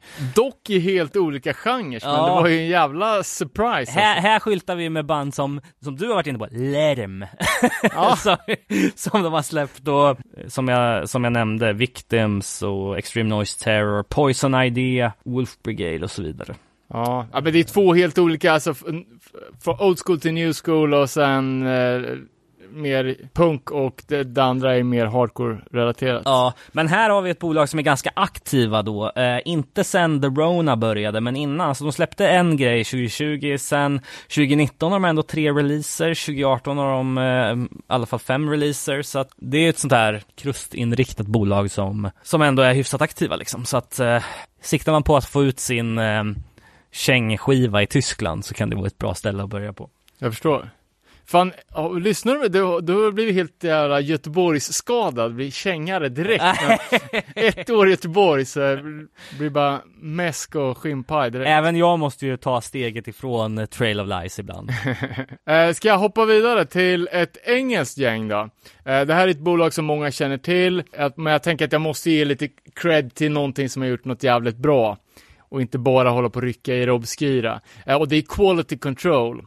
Jävligt bra. Som eh, startades i London 2011 av en tjej som heter Ola, lite otippat, eh, som även lirar band i, li, lirade i det eminenta bandet Arms Race, bland annat. Eh, och det här bolaget har ju varit en väldigt stor del i, eh, i framväxten av det som kallas för New Wave och British Hardcore. De, ett, bland de första släppen är ju Violent Reaction och då eh, bandet Arms Race. Och att de släppte No Tolerance i, i Europa då. Uh, och jag vet inte om, om det är liksom, ah, det känns lite som att det hände lite i det här med att Boston Strangler slog ner som en jävla atombomb i hardcore-branschen och att det landade jävligt mycket, ja men att det influerar väldigt mycket engelska nya band som poppar upp runt, alltså nu snackar vi 2010 och framåt. För det blir liksom, det blev, blev ju ett tydligt paradigm liksom. Den tidigare engelska hardcore-scenen var ju, alltså, Ruction Records, eh, och nu kom det ett helt nytt gäng, och det var liksom som natt och dag, liksom eh, Ruction-gänget med det gamla, de var ju väldigt, lite hiphop med grime, och ah, ja, sitt crew liksom, LBU, Blackout Unit, det handlar liksom om att supa tills det svartnar. Medan den nya scenen då var inne mer på old school hardcore, med hardcore punk och jävligt många straight edge band. Eh, så, så, som kör liksom mycket på det här, ja, men confront it six mentality, lite mer jeansjacka skinhead stuket. Men också producerar den så jävla räcka med, med fina band. Jag vet inte fan, jag är lite bitter på att jag aldrig fattade Violent Reaction när de var aktiva. Eh, jag tror vi var väl båda på det giget när de spelade i Norrköping och var så jävla ruttna. Ja, Och så vart man lite avskräckt och så kom man på det typ när de hade, ja men när, när de och många andra band helt plötsligt lyftes som liksom hardcore-branschens frälsning. När liksom när Flex, The Flex signade på Locking Out och Ja. Violent Reaction på Revelation. Eh, men, men bolaget är ju eh, aktivt fortfarande, de har ju pumpat ut en jäkla massa, massa grejer. Förra året så kom det sju stycken releaser.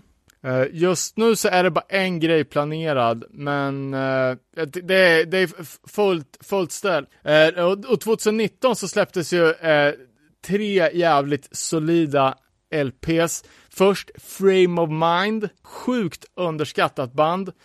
Vi hade ju äran att få lira med dem med, med Prison Riot tillsammans på, på 44 här i samband med att jag tror att den första plattan skulle komma. Eh, underskattad som fan, kolla upp det, finns på Spotify. Eh, sen Gutter Knife, som också, som också spelar i Stockholm, vill jag minnas. Och eh, Payday. Ett Second to none LP. Ja, som jag fortfarande inte har köpt, men också en jävla trio med tre så sjukt starka LPs i ganska olika stilar också. Frame of Mind kör ju liksom lite mer åt det progressiva New Hardcore-hållet. Gutter Knife är ju lite mer, alltså jag ska inte säga freakpunk-hållet, men, men eh, hardcore punk i alla fall. Eh, och Payday är ju ren konfrontdyrk. Eh, och sen för, förra året då så släpptes ju Existence-promon, hoppas LPn kommer komma på Quality Control, och det som har hyllats som en av förra årets bästa LPs var ju Big Cheese. Punishment Park. Ja, precis. Eh, och de släppte även första Big Cheese 7 där. Fan, det är två grejer jag kommer att tänka på nu när jag tittar på Quality Control på, eh, på Discogs här. Det ena är ju då, ehm, de, de är ju, eh, de är krediterade som publisher av Queen and Slim soundtracket. Det måste ju vara deras största release i så fall. Jag känner inte till det, jag såg också, jag vet inte vad det är. Nej, för det är ju, Queen and Slim var ju en film som kom 2019 Ja. som, eh, ja men har jävligt stora skådisar i Okej. sig och eh, blev liksom, ja men, jag tror att ehm, soundtracket hamnar ju på Billboard topp 10 liksom. Eh, så att det måste ju vara en av deras eh, mest gångbara liksom. Jag vet inte hur det ligger till, eller om de har licensierat någon musik till soundtracket då. Ja okej, ja fan, det, det, det där känner jag inte till så jag, och jag grävde inte vidare i det. Eh, däremot fastnade jag på en av deras andra release, releases som jag bara hört lite så här för, förbifarten. Eh, och det är ju, tror jag, ett enmansprojekt som heter Solo. Eh, som, eh, alltså, har väldigt så stark Black Power-vibe över hela bandet. Det har släppts två releaser hittills. Lite, alltså åt, om du tänker musikaliskt åt Vain Jesus Peace-hållet. Det är ganska mycket kross. Ja. Men verkar vara väldigt så här medborgarrättsrörligt och eh, har några så här jävligt tunga samplingar liksom av eh, ja, men spoken word-inslag liksom som handlar om ja, men Black Man's Struggle liksom. Ja. Eh, så kolla upp det här liksom och, och eh, då är det en eh, snubbe som heter Nia Lee eh, som jag fattat är liksom, det här är ett, ett soloprojekt. Jag var så helt bara wow, vilken jävla, vilken jävla snubbe alltså. eh, för först så är det ju då ett enmansprojekt, lirar alla instrument, sjunger, allting flawless, riktigt bra. Eh, har bakgrund i det här bandet Dare, om du kommer ihåg dem? Ja. Som släppte en eh, de har två sjuor i bagaget, den senaste är ju på Reaper Records, och då var det liksom, man trodde att det här skulle bli nästa Turnstyle lite. Eh, I alla fall grafiskt, för det är lite såhär pastellfärgigt och lite sådär. Den första Dare 7 den heter ju Orange County Straight Edge, eh, och har bara en sån här, du vet, en sån här medeltida morgonstjärna. Alltså det, är- det är riktig grotta på omslag ett. Och sen omslag två så är det liksom turnstyle flippigt med, med glada pastellfärger. Typ Candy Style liksom. Ja, alltså jätte, så, sån jävla kontrast. Eh, så kollade jag upp den här, äh, äh, snubben på Instagram och eh, det visade sig att det är en jävel på skate också. Jaha. Så inte nog med att han kan lira alla instrument, så bra på att skata. Shit. Living the life. Ja, men verkligen. Så man bara, wow, vad fan är det för jävla geni liksom. eh, sen såg jag också, när jag kollade så här andra, andra band, och det visade sig att han hade, alltså, spelade ett band som heter Bots. Eh, och det är typ såhär två barn. Det var ja, han som, som lirar gitarr och sjunger och så, så en annan liten knodd typ på åtta bast som spelar trummor. De där verkar, de verkar vara lite up and coming, men det verkar inte som att det har slagit liksom mainstream, men det verkar som att de har precis varit på väg att breaka. Okej. Gjorde liksom så här, ja men coola videos och sen eh, livespelningar på, på stora ställen. Okej. Det är så jävligt schysst liksom, men, du vet, tänk en 12-åring och en 8-åring som har ett jävligt ösigt punkband Ah, liksom så här, asfett ju. Så vart så jävla fascinerad av, av den här snubben. Eh, ja men fan, det är Quality Control alltså, vilket eh, jävla fett bolag. Ola Herbisch i spetsen. De, definitivt. Det är enda, enda som annonserats släpp 2021 än så länge är ju Big Cheese LPn, en, eh, en reissue på den. Eh, känns som att när man kommer upp i den här nivån, alltså att det börjar bli, alltså det går från någon, någon, en grej som man kan göra liksom hemma på, på garderoben som en, en kul grej, men, men när det kommer upp till nästa nivå, att man måste liksom satsa lite, att det är ganska stort och svårt steg att ta.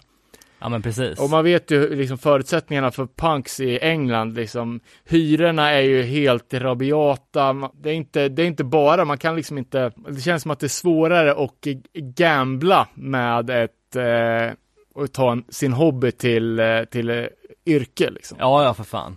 Ja men fan, ska jag hoppa vidare då med, med lite eh, franskt slash eh, tyskt eh, crossoverbolag här? Inte då, crossover som i det att de växlar mellan de två länderna, inte att det är den typen av musik som de har på sin roster. För att det här är mer åt streetpunk-hållet faktiskt, eh, med vissa snedsteg skulle jag säga. Eh, så att eh, det- Streetpunk med snedsteg, det låter som att det kan bli lite nazistiskt. Eh, nej, nej, nej för fan. Eh, snarare att de utöver streetpunk även släpper pissband. Jag förstår. Eh, som inte är värda att lyssna på. Men vi ska försöka eh, kurera den här listan av bra releaser från Krodd. Eh, och med oss på den resan så har jag eh, kontaktat bolaget då. Eh, och eh, fått prata med en snubbe eh, som säger att, jag frågar ju först och främst, vad fan krodd, vad, vad betyder det? Det har jag kollat upp. Eh, Kleine Rose ohne Dornen. Det är alltså No Rose Without Thorns. Och det är ett eh, punkrock slash hardcore slash alt rock label baserat i Berlin, bildat 2015. Den, den övergripande missionen är att liksom släppa bra releaser, göra promotion, få ut liksom bra, eh, gångbar punkrock. Alltså det känns som att de har lite mer mainstream agenda än många andra. Men vilket gör det helt obegripligt att det är så jävla många band på det här bolaget som man aldrig hört talas om. Men vissa är riktigt bra. Ursprunget för bolaget då, det här som jag pratade om i början, att det växlar mellan Frankrike och Tyskland, det var att det startades i Frankrike i maj 2015. Eh, de signade då Quitters, som är ett franskt punkband. Och eh, sen var det bara att ta det därifrån. I learned on the job how to run a record label, säger snubben då. Som jag inte har något namn på. Han säger att eh, det är liksom, det är skitkul, det är en passion för punkscenen som driver mig. Bolaget är fullt av överraskningar, men det är också som en familj. Jag träffar nya människor, nya band, jag jobbar med dem, vi får saker att hända typ. Så. Livingston är ett av de banden som de har. Hightower är ett annat. Mitt favoritband som vi kommer komma till heter Raincheck. Som spelar eh, liksom melodiös punkrock från Frankrike, Lyon. Eh, de har släppt eh, en eh, tolva på, på Krodd och eh, den kom ut eh, 2020 då. Eh, tidigare så har de en eh, eh, EP i ryggen som heter True Love. Eh, men det är jäkligt bra streetpunk skulle jag säga. Ett väldigt aktivt bolag. Jag tror jag kunde eh, räkna till typ 7-8 releaser 2020 och en i år då. Och eh, de säger att, ja men vi delar värderingarna som finns i punkrock och hardcore-scenen. Eh, vi vill ha ett system där alla kan, eh, allas röst kan få höras. Vi är antifascister, antirasister, antisexister. Men de har plenty of releases to come i år, eh, både för 2021 och ända in till våren 2022. Eh, på release-radarn här nu då så är det den nya EPn med bandet Kill Her First. Albumet eh, från, det nya albumet från bandet South Berkeley eh, som också är ett eh, sånt punkrockband. Eh, de ska släppa nytt med Between Bodies och Livingstone och även flera andra band som, som de inte har gått ut med än då. Man kan ju inte säga att det här är några alltså, som band som jag har hört talas innan. Har, har du Nej, liksom? inte jag heller. Nej. Nej. Eh, Jag hade aldrig hört talas om bolaget och jag tror inte jag kände igen någonting på hela, på hela rostern heller faktiskt. när, han, när, de får, när han får ranka sina favoritreleaser då så är det då Hightowers eh, Club Dragon som ligger högst upp. Eh, det är också något band som heter Elm Tree Circle och ett annat som heter Cold Reading som han har som eh, Fan, mycket filmreferenser där. Ja, exakt. Cold Reading har, har han ju släppt eh, ja, typ hela katalogen med, förutom kanske en. Det, det verkar vara liksom lite mer mainstream punk liksom, eh, eller poppunk då. Eh, men jag fastnade ju för eh, det här bandet som heter Raincheck, så jag tänkte att vi kunde lyssna på någon låt från deras senaste.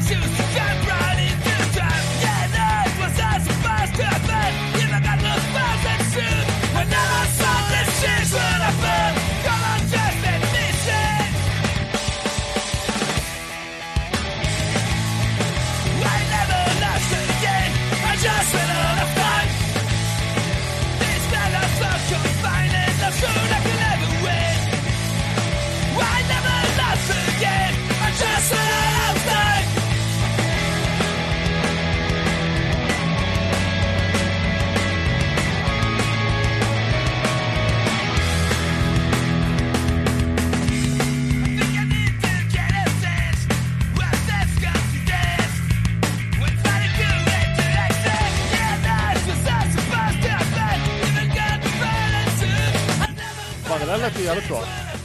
Lite eh, down by law, Dave Smalley-vibbar på sången Ja, där, ja men jag. precis. Ja men alltså jag är inte så bevandrad i den här genren liksom, men Down by Law är väl ett bra exempel liksom. Fast ändå mer, mer bombshell. Precis. Nej, men det var, det var, det var nice. Eh, ska jag dra ett annat franskt gäng då? Eh, som jag också bara snubblar in på. Eh, känner till ett band sen tidigare ett, eh, från den franska delen av Kanada som heter Ultra Rassia. Det är så jävla bra skinhead-namn, så man glömmer ju aldrig bort det. Nej, Eh, och så, så kollar jag bara, ja men vilket bolag de ligger på och det är ett franskt bolag som heter Primator Crew. eh, och så bara, nice liksom. Så då s- bara drog några releaser på, på eh, random och alla var ju svinbra. jaha. Eh, ett gäng som heter Fractions S. Eh, och eh, sen ett annat gäng då som heter Teenage Hearts. Ett franskt band som sjunger på engelska och det är ju lite som så här punk slash oj-band fast de har en helt det känns inte som att de har så här aggro skinhead framtoning utan att det är mer nästan lite så här, eh, finsmakar punk det, är svårt att sätta fingret på det, men de hade en jävligt schysst video och artworken på som går igen på skivomslaget är eh, om du har du sett det här spelet som kom som hette Cuphead? Ja, Den stilen. Jaha, alltså fan vad så här, liksom ur-cartoon-stilen. ja, Eh, jävligt, jävligt nice faktiskt. Eh, sen ett annat band som heter Skelett. Eh, med fransk stavning. Mm. Också br- bra, typ lite, lite mer åt modernt oj-håll. Eh, tänk mer Lionslow än Riks. ja okej. Lite åt det hållet. Ja men också- det gillar man ju. Ja, så riktigt bra. Eh, så utan att fördjupa mig i mer i det, så Primator Crew. Älskar namnet. ja, ultrarass ja. eh, Sen tänkte jag slänga in ett annat eh, bolag som så jag tror många känner till. Det är ju danska Adult Crash som har gjort jävligt mycket. Eh, vi köpte ju Junta 7 därifrån till vinylklubben. Super legit gäng. Eh, det är tre pers från Köpenhamn. Jag har snackat med Jakob som också spelar i Junta. Eh, och jag är 100% att de här är involverade i K-Town-scenen och, eh, och de har ju släppt en massa svenska grejer. Alltså alla de mest framgångsrika banden som är liksom åt hardcore punk-hållet. Eh, Larma till exempel, som folk dyrka förra året, Axe Rash, de släppte Hårda Tider, Night Fever-splitten, Kasshuvud som kom ut förra året va. Eh, och en grej som, de, de, de kör ju mest nya band, men de har Ja. ju även gjort en reissue på förmodligen Danmarks största punk, inte, inte punkklassiker, men deras liksom eh, Killed by Death, eh, Holy Grail, eh, Kalashnikov 7 Mm. som också är alltså svinfett band. Som de, de, jag, jag snappade upp de här, de, de har en, en låt med på den här Peace War-samlingen som släpptes typ 84.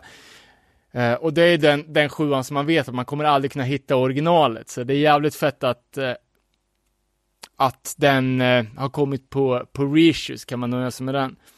Eh, men det här är lite, alltså tänk eh, UK-punk eh, möter typ LA Hardcore, Okej, fast från Danmark. Svinbra. Det låter ju fantastiskt. På, på danska.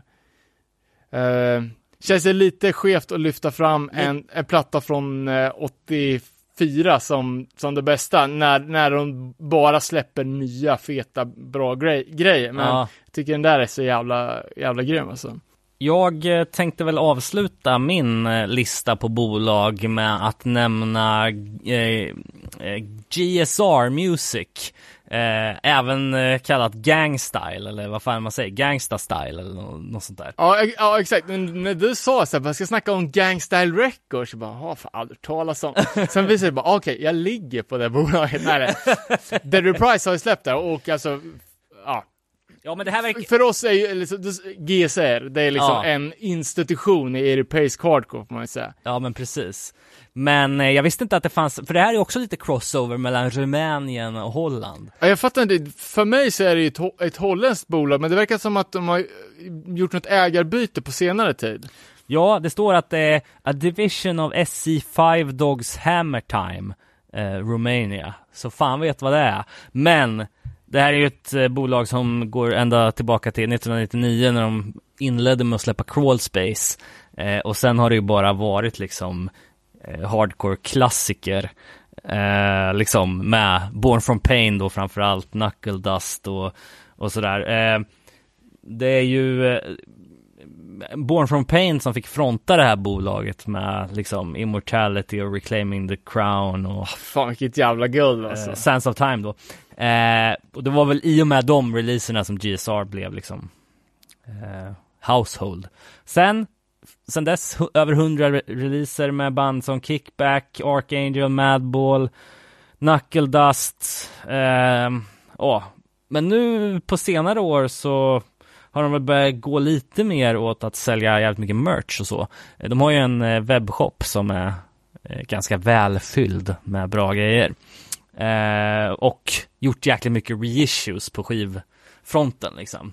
Ja, jag, jag såg, såg det i katalogen också att, alltså de sitter ju på sånt, sånt jävla guld och det här är liksom inte, det här är inget riktigt cred-bolag, utan de här jo, jobbar mer med de här, liksom, st- ja, men de största europeiska banden inom hård hardcore, de här som är ute och turnerar liksom. Det är ju Knuckle Dust, Precis, och då är det också kul att se så här, och om det är något band som som ändå får släppa där som inte har gjort jättemycket väsen av sig innan och nu senast så är det Ironed Out som släppte sin eh, fullängdare där då.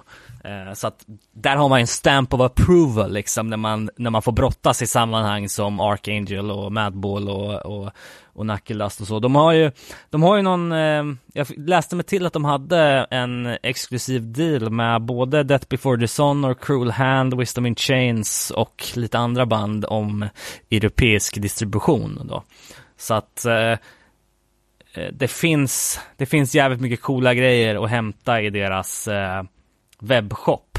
Eh, också sjukt billigt, jag var inne och kollade, så, ja, typ såhär 4 euro Ja. för en, en Knuckle Dust 7 det, är- en All Out War t-shirt för fem, 50 spänn liksom. Ja, det är underskattat faktiskt. Ja. Eh, och sen är det, det är jävligt mäktigt, alltså nu snackar vi eh, hardcore, men alltså typ 2004-2005 liksom, när två band från Örebro var med och brottades bland de liksom stora amerikansk, eller amerikanska, stora europeiska hårda hardcorebanden. Ja. För både Path No Return och Dead Reprise släppte ju på Gangstel Ja. och var ute och började turnera i Europa liksom.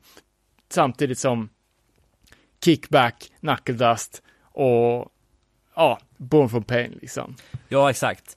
Det här är ju ett av de, alltså, det, det är ju så väl kurerat i releaselistan från det här bolaget, liksom att man vet att de släpper kvalitet om man gillar den typen av hardcore. Och liksom att vi bara har två, att, liksom att ha två band från Örebro som är affilierade här, det är ju ett jävla liksom eh, kvalitetstecken liksom. Eh, så att, ja. Eh, utöver där då, utöver alla de här banden så, så har de ju eh, liksom även i sin webbshop då eh, en del eh, New York Hardcaps Caps grejer och kastade rock, eh, eh, straight edge grejer och eh, lite Hate Thousand eh, eh, släpp som typ Liar och, och, och lite så som man kan beställa. Så att eh, ja, det, det finns coola grejer i den butiken. Och eh, som sagt, de fortsätter ju släppa bra grejer. Alltså, eh, redan, alltså förra året så var det väl x antal re-releaser och bland annat då Ironed Out och Ja, nej, men det känns så, som att de är så förknippade med de här turnerande banden så att jag, jag antar att stiltjen på turnéfronten eh, gör att också bolaget är, är lite på, på is, skulle Ja. jag tänka mig. För de, ja, de, gör, de gör säkert en, en, eh, en press inför en, en, en turné till exempel. ja, Eh, och att de jobbar mycket med, med merch åt, åt de här stora turnerande banden. Liksom. det, det var det från mig. Eh, du har en grej kvar va? Yes! Eh, Denial, Örebro, numera Malmöbolaget, eh, som, eh, fan, nu bara prata om det, 11 år i, i bagaget. Det är Eh. jävla coolt alltså. Ja, eh, eh, och det är ju frontat från början av Fredrik Larsson och Kalle Henriksson. Numera bara Larsson. Eh, och i och med att det är ett Örebrobolag så har man ju haft liksom nära kontakt. Eh, Denial var ju med och släppte den senaste Dead Reprise LPn och eh, de har gjort ja, men många av mina favvo svenska hardcore-släpp, både Axe Rash och Hag. Eh, och eh, Eh, kanske en av de bästa skatepunkplattorna från Sverige någonsin. Vision reissue på LP där kommer ju från, från Denial. Men just det med att man har den här kontakten och att eh, Denial distrar en massa grejer som vi som man, som man brukar plocka upp och sådär så att eh, då ger man eh, lite extra chans åt eh, releaser som alltså som är lite utanför det man brukar lyssna på. Eh, och- det brukar alltid vara, vara bra. Mm. Eh, Så det, det är bra om man har lite närkontakt med ett bolag, för då, då det motiverar ju att man ska ge, ge saker och ting en, en chans. Så man inte bara murar in sig i sin jävla gruffhörn och aldrig tittar ut liksom. Det är också välkurerade releaser liksom, att så här, man vet att det är quality stuff liksom. Ja, men också som vi kommer komma in på i, i intervjun som jag gjorde med, med, med Larsson, att det är ju ett bolag som är jävligt versatilt i sina släpp. Det finns Ja men från, från rymdflum till, till ren cross liksom. Eh, Och det är inte många bolag som gör det. Nej. Men att det är med, eh, mycket fingertoppskänsla liksom och eh, kul, kul, kul snack och en jävligt fin katalog och eh, det finns ju inga tecken på att Denial ska varva ner utan det kommer, kommer släppas mycket grejer därifrån framtiden också och bara från att vi gjorde den här intervjun så har det ju eh, annonsats en, ett släpp eh, som är Genocide SS, eh, ja, en eh, compilation med, med platt, är sjuor som är släppta där, så kommer komma på, på en följs. Eh, så att det händer mycket därifrån. Eh, men jag tänker att vi klipper in snacket jag hade med Larsson och sen så eh, hörs vi igen och rundar av efter intervjun.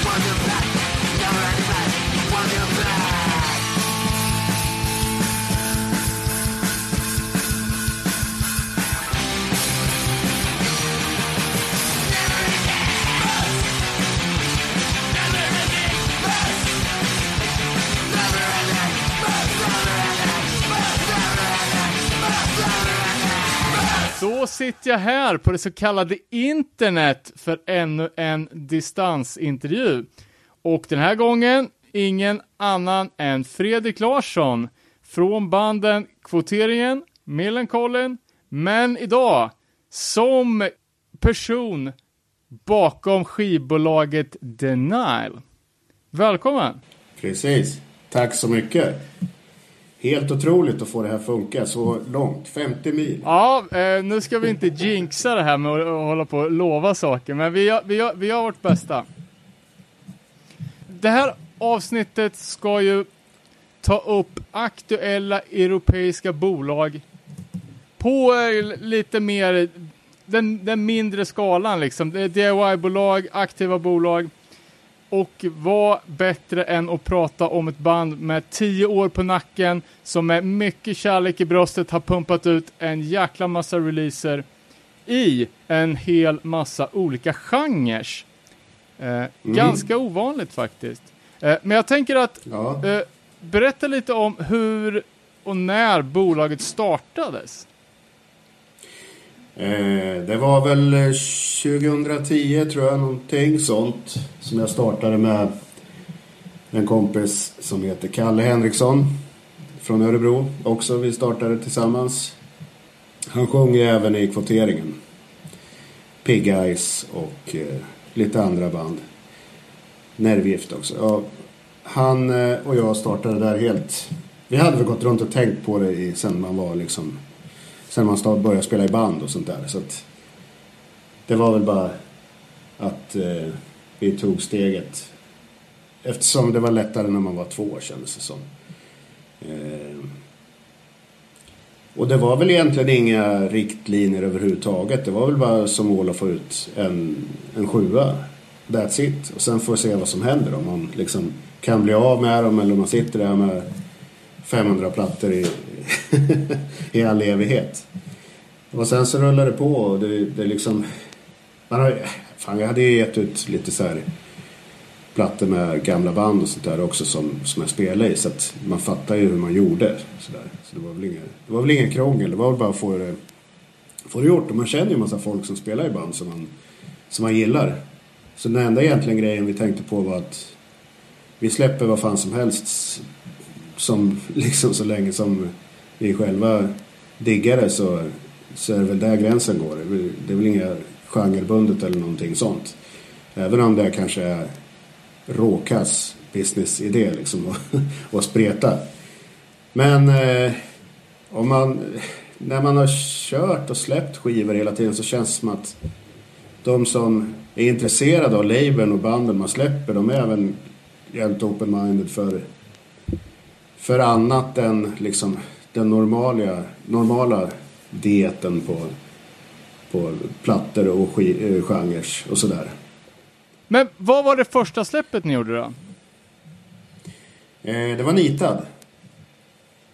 Det var ganska naturligt. Vi hade spelat massa med dem med, med kvoteringen där i krokarna och det är polare sedan lång tid tillbaka, flera stycken i bandet sådär. Så att det var ju eh, naturligt. De var peppade och vi var peppade så att vi valde dem. Och sen så blev det anstalt efter eftersom man är gammal polare med Danne Wall och kände att det var bra grejer också. Jag förstår. Det föll sig naturligt. Men du, hur såg det ut? Jag, kommer inte ihåg eh, Nita-diskografin så här på rak. Var det en av, det var en av deras första släpp eller hade de gjort en massa innan? Ja, de, de, de hade bara släppt en, En demo. demo, all right. Eh, så vi släppte den och sen har vi släppt lite mer med de grabbarna också efter det. Ja, och det har väl rullat på gissar jag, för det är ju ett av de mest eh, spelade och eh, omtalade banden från den eran tycker jag. Alltså 2000-tals hardcore i Sverige var ju, det var inte så många band som var som var överallt. Ja, men de var, de, de var ett bra liksom, crossover-gäng också. Alltså inte, märk inte ord här nu Danne på crossover. Men, men det är liksom, både punksen och hardcore-folket gillar, gillade dem. I en tid då det kanske var lite mer, jag tyckte väl att det kanske var lite mer uppdelat mellan punk eller råpunk och hardcore. Och, men, men eh, här så tror jag de flesta kunde digga det. Det var ju allt från liksom, raggare till råpunkare till hardcore-folk. Ja. Ja, eh, men det var väl eh, en, eh, ett, ett jävligt, en jävligt bra start. Vi var ju, Ja, vi var ju inne lite där på, på bredden, bredden av släpp. Ser du Mm. det som en, en styrka eller tror du att det hade varit lättare rent businessmässigt om man hade nischat sig lite mer? Ja, jag tror det hade varit lättare att nischa sig. Eh, jag vet jag har svårt att komma på andra bolag som, som kanske kör så här spretigt som jag har gjort. Alltså tanken Men, eh, slår ju mig Burning Heart.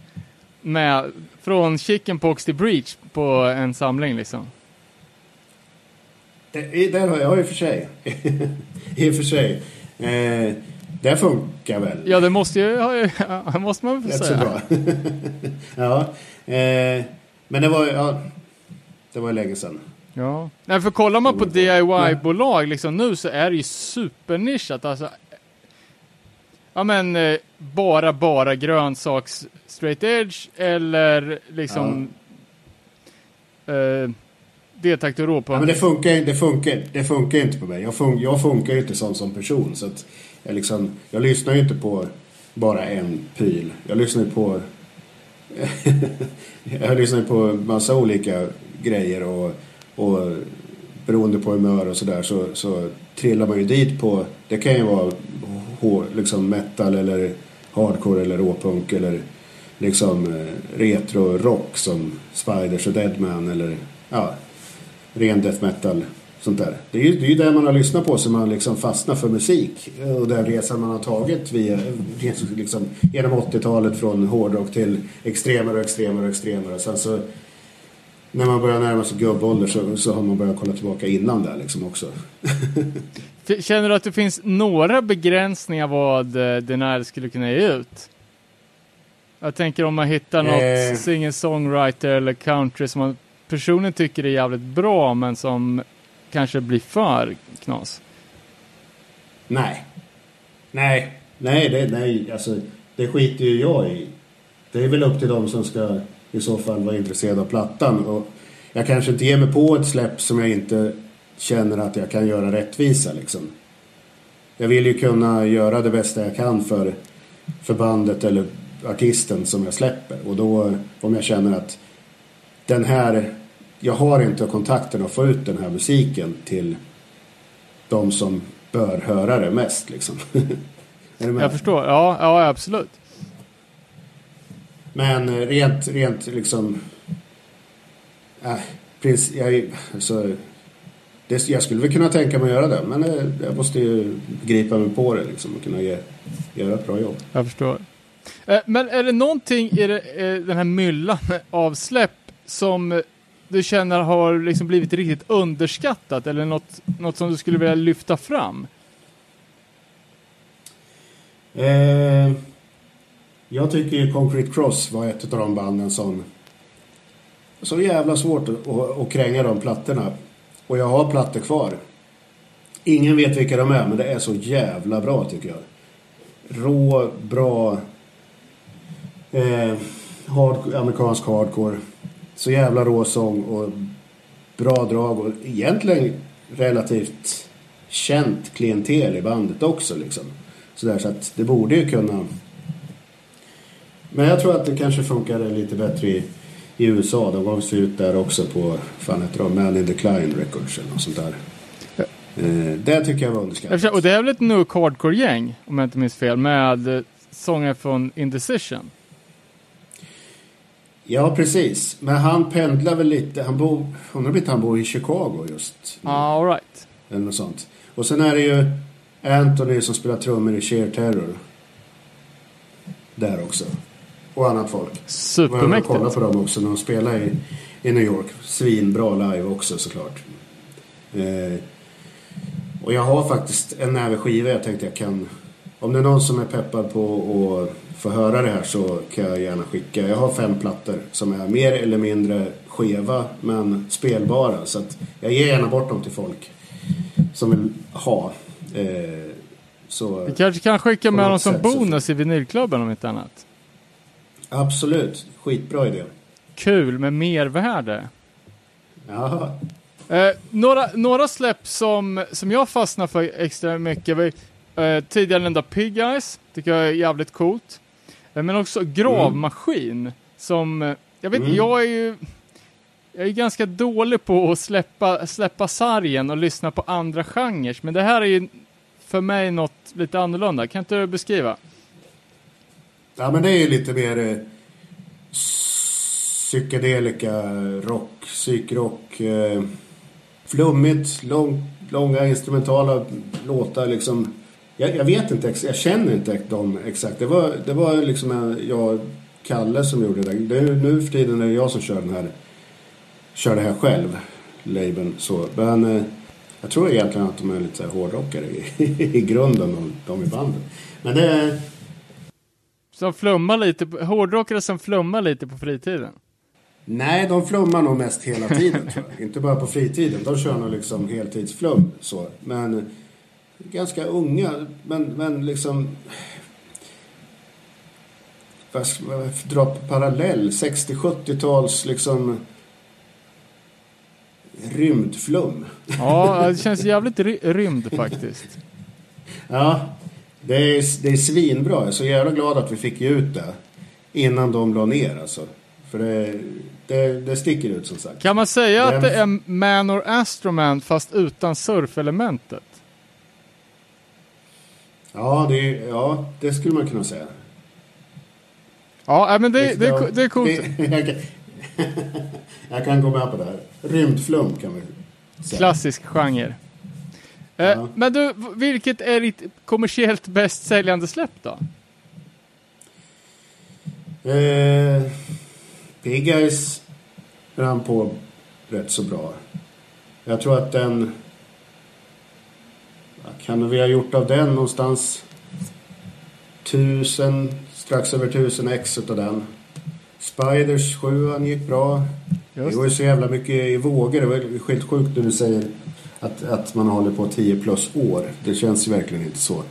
Det var lite, lite klyschigt som man pratar om bandet också. Det var liksom bara försvinner de där åren. Men eh, sjuor generellt tycker jag är svårare att sälja nu än vad det var för fem år sedan. Så att det kan vara... Jag är lite försiktig med, med att chansa på sjuor nu. Då går jag hellre på, på tolvor. Men de, har- de har sålt bra. No Fun såklart har ju rasslat på direkt liksom. Och, eh, släppte ju någon bilden 12 också. Och det mesta jag har släppt har jag faktiskt sålt av. Kan jag säga. Ja, fan det, Även det om det, även, om, även om det har tagit sin tid. Det är några sjuor som, som jag har kvar som är äldre sådär. Men, Men, men det är ändå bra, bra kvot. ja, ja, det måste ju kännas betryggande. Men säljer du någonting till butiker? Ja, lite grann till... Man har ju blivit kompis med butiken. Man, man, fan, man är ju där och rotar. I varje fall. Ja, eller hur? Så att då, då, då har man ju näven med sig eller blivit kompis och liksom, vad fan. Får man ställa in där så är det ju, så är det ju guld. Och folk slipper, slipper pytta porta och sådana där grejer. Ja, så att, eh, nej. det är väl eh, här nere i Malmö, Göteborg, Örebro. Eh, Karlstad tror jag. Det är ju mest sådana här veteranbutiker som har funnits för alltid liksom. som, eh, som man har ställt in plattor hos. Ja. Nej, men eh, jag och David har ju också vårt lilla mikrobolag och vi har ju förfrågningar då och då från ja, men distros och, och sådär. Men marginalerna är ju så jävla tajta så ska man skicka en, en låda till en skivbutik då är det ju liksom kört. Du behöver nästan Mm. personligt leverera dem i så fall. Om det ska... Ja, nej men det är, den berömda, berömda punktposten, punktposten som man måste, måste ta, ta hjälp av. och hjälpa i sin tur också såklart att ta med. Eh, sen ska man väl... Sen är det ju det här med att eh, i vissa genrer man ger ut så vill ju gärna folk att det kostar kanske 30-40 spänn som det gjorde Helst. Ja. för 20, 20 plus år sedan liksom. Fast det många liksom de flesta tycker att det är okej att betala en 50-60 spänn för, för en singel nu för tiden i alla fall. Eh, vad fan, det kostar ju nästan 30 spänn att ta fram en singel om man gör många ex liksom. ja, ja, absolut. Gör man mindre upplagor så, så ja, då, då, då är det som du säger. Då hamnar de högre. Och ska vi på porto och grejer till skicka till butik då blir det, då blir det dyrt ut, utpris.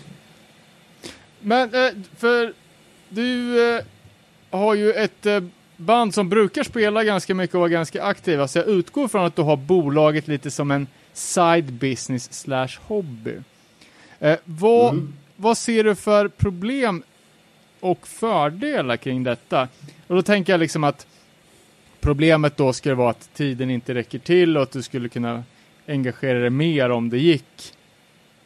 Uh, eller hur, hur känner Nej, men jag, jag, jag tror att jag har lärt mig att väga av det där rätt så bra faktiskt. Så att, så att eh, jag tar på mig jobb när jag vet att jag har tid att göra det. Har jag, har jag inte tid, då gör jag inte bandet rättvisa som, som jag släpper liksom.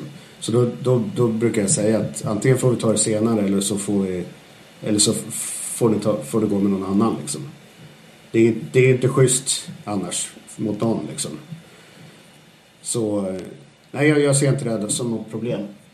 Och fördelen är väl att man kan få jobba med, med passionen i fokus snarare än att det måste vara alla gånger superlönsamt antar jag. Visst är det så. Visst är det så. Eh, man ska alltid försöka gå runt på det.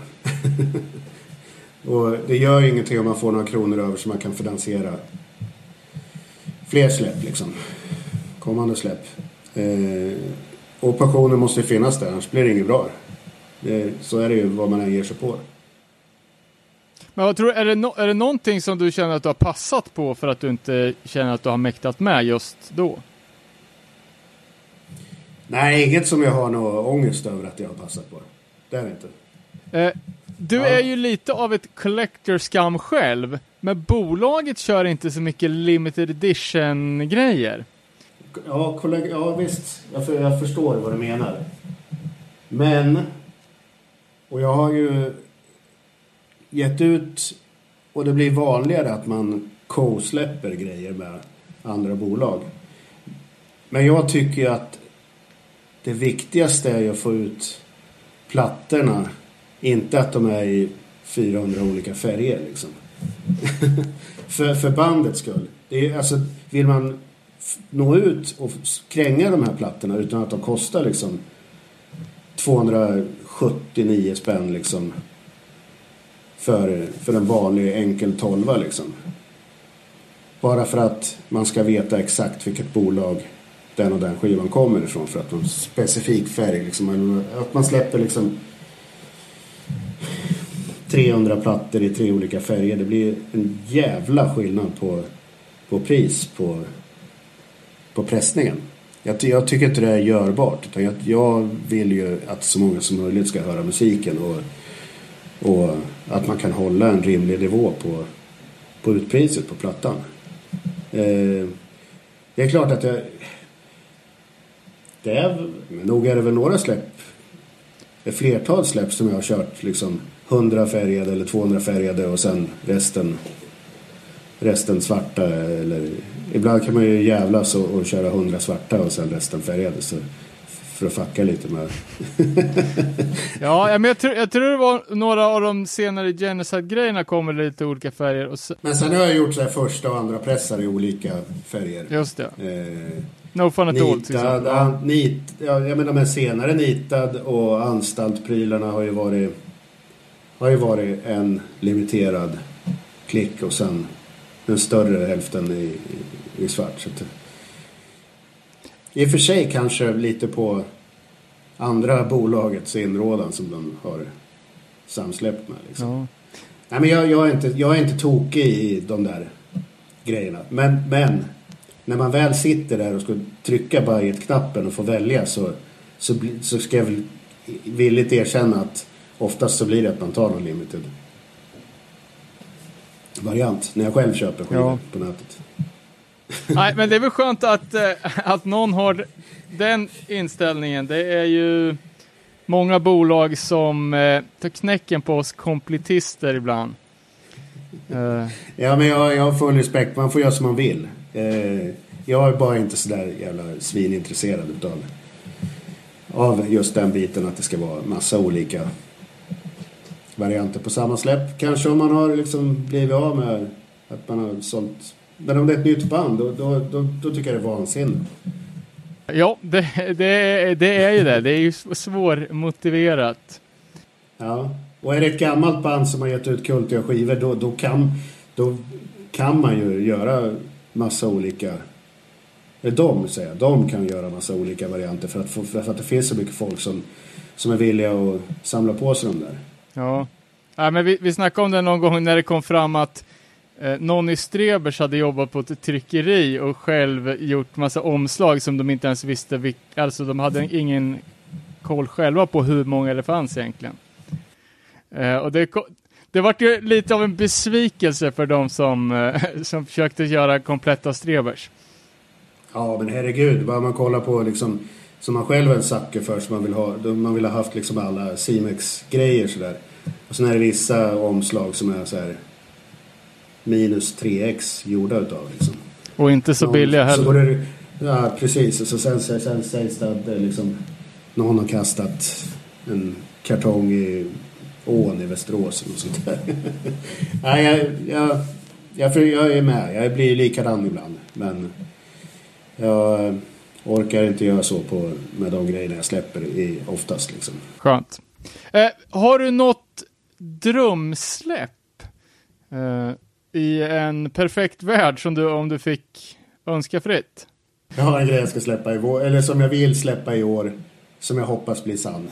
Och, och det återstår att se. Jag tänker inte säga någonting om det innan.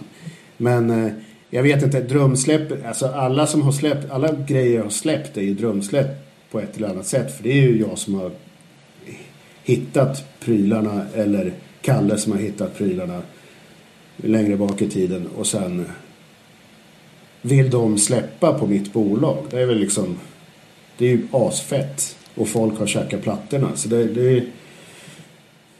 Nej, jag vet inte. Det, det trillar ju in roliga saker hela tiden.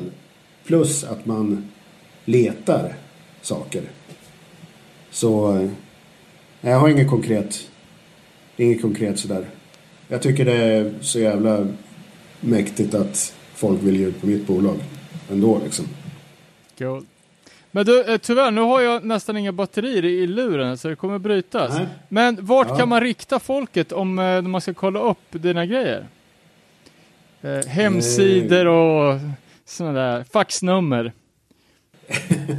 Faxen, då får ni faxa Jallo och sen så vidarebefordrar han.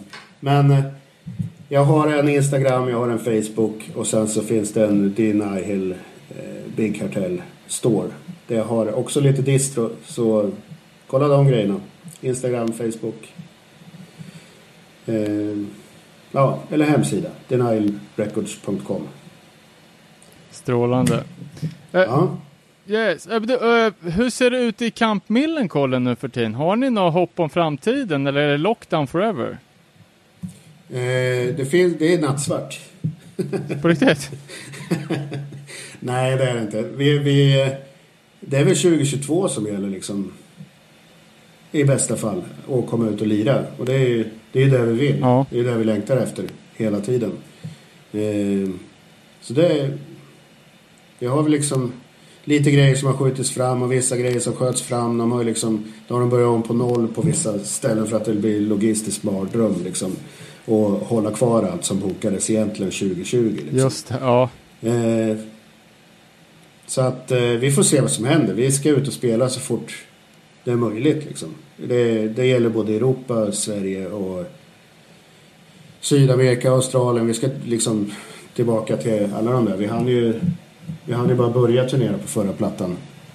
Egentligen. Så ja.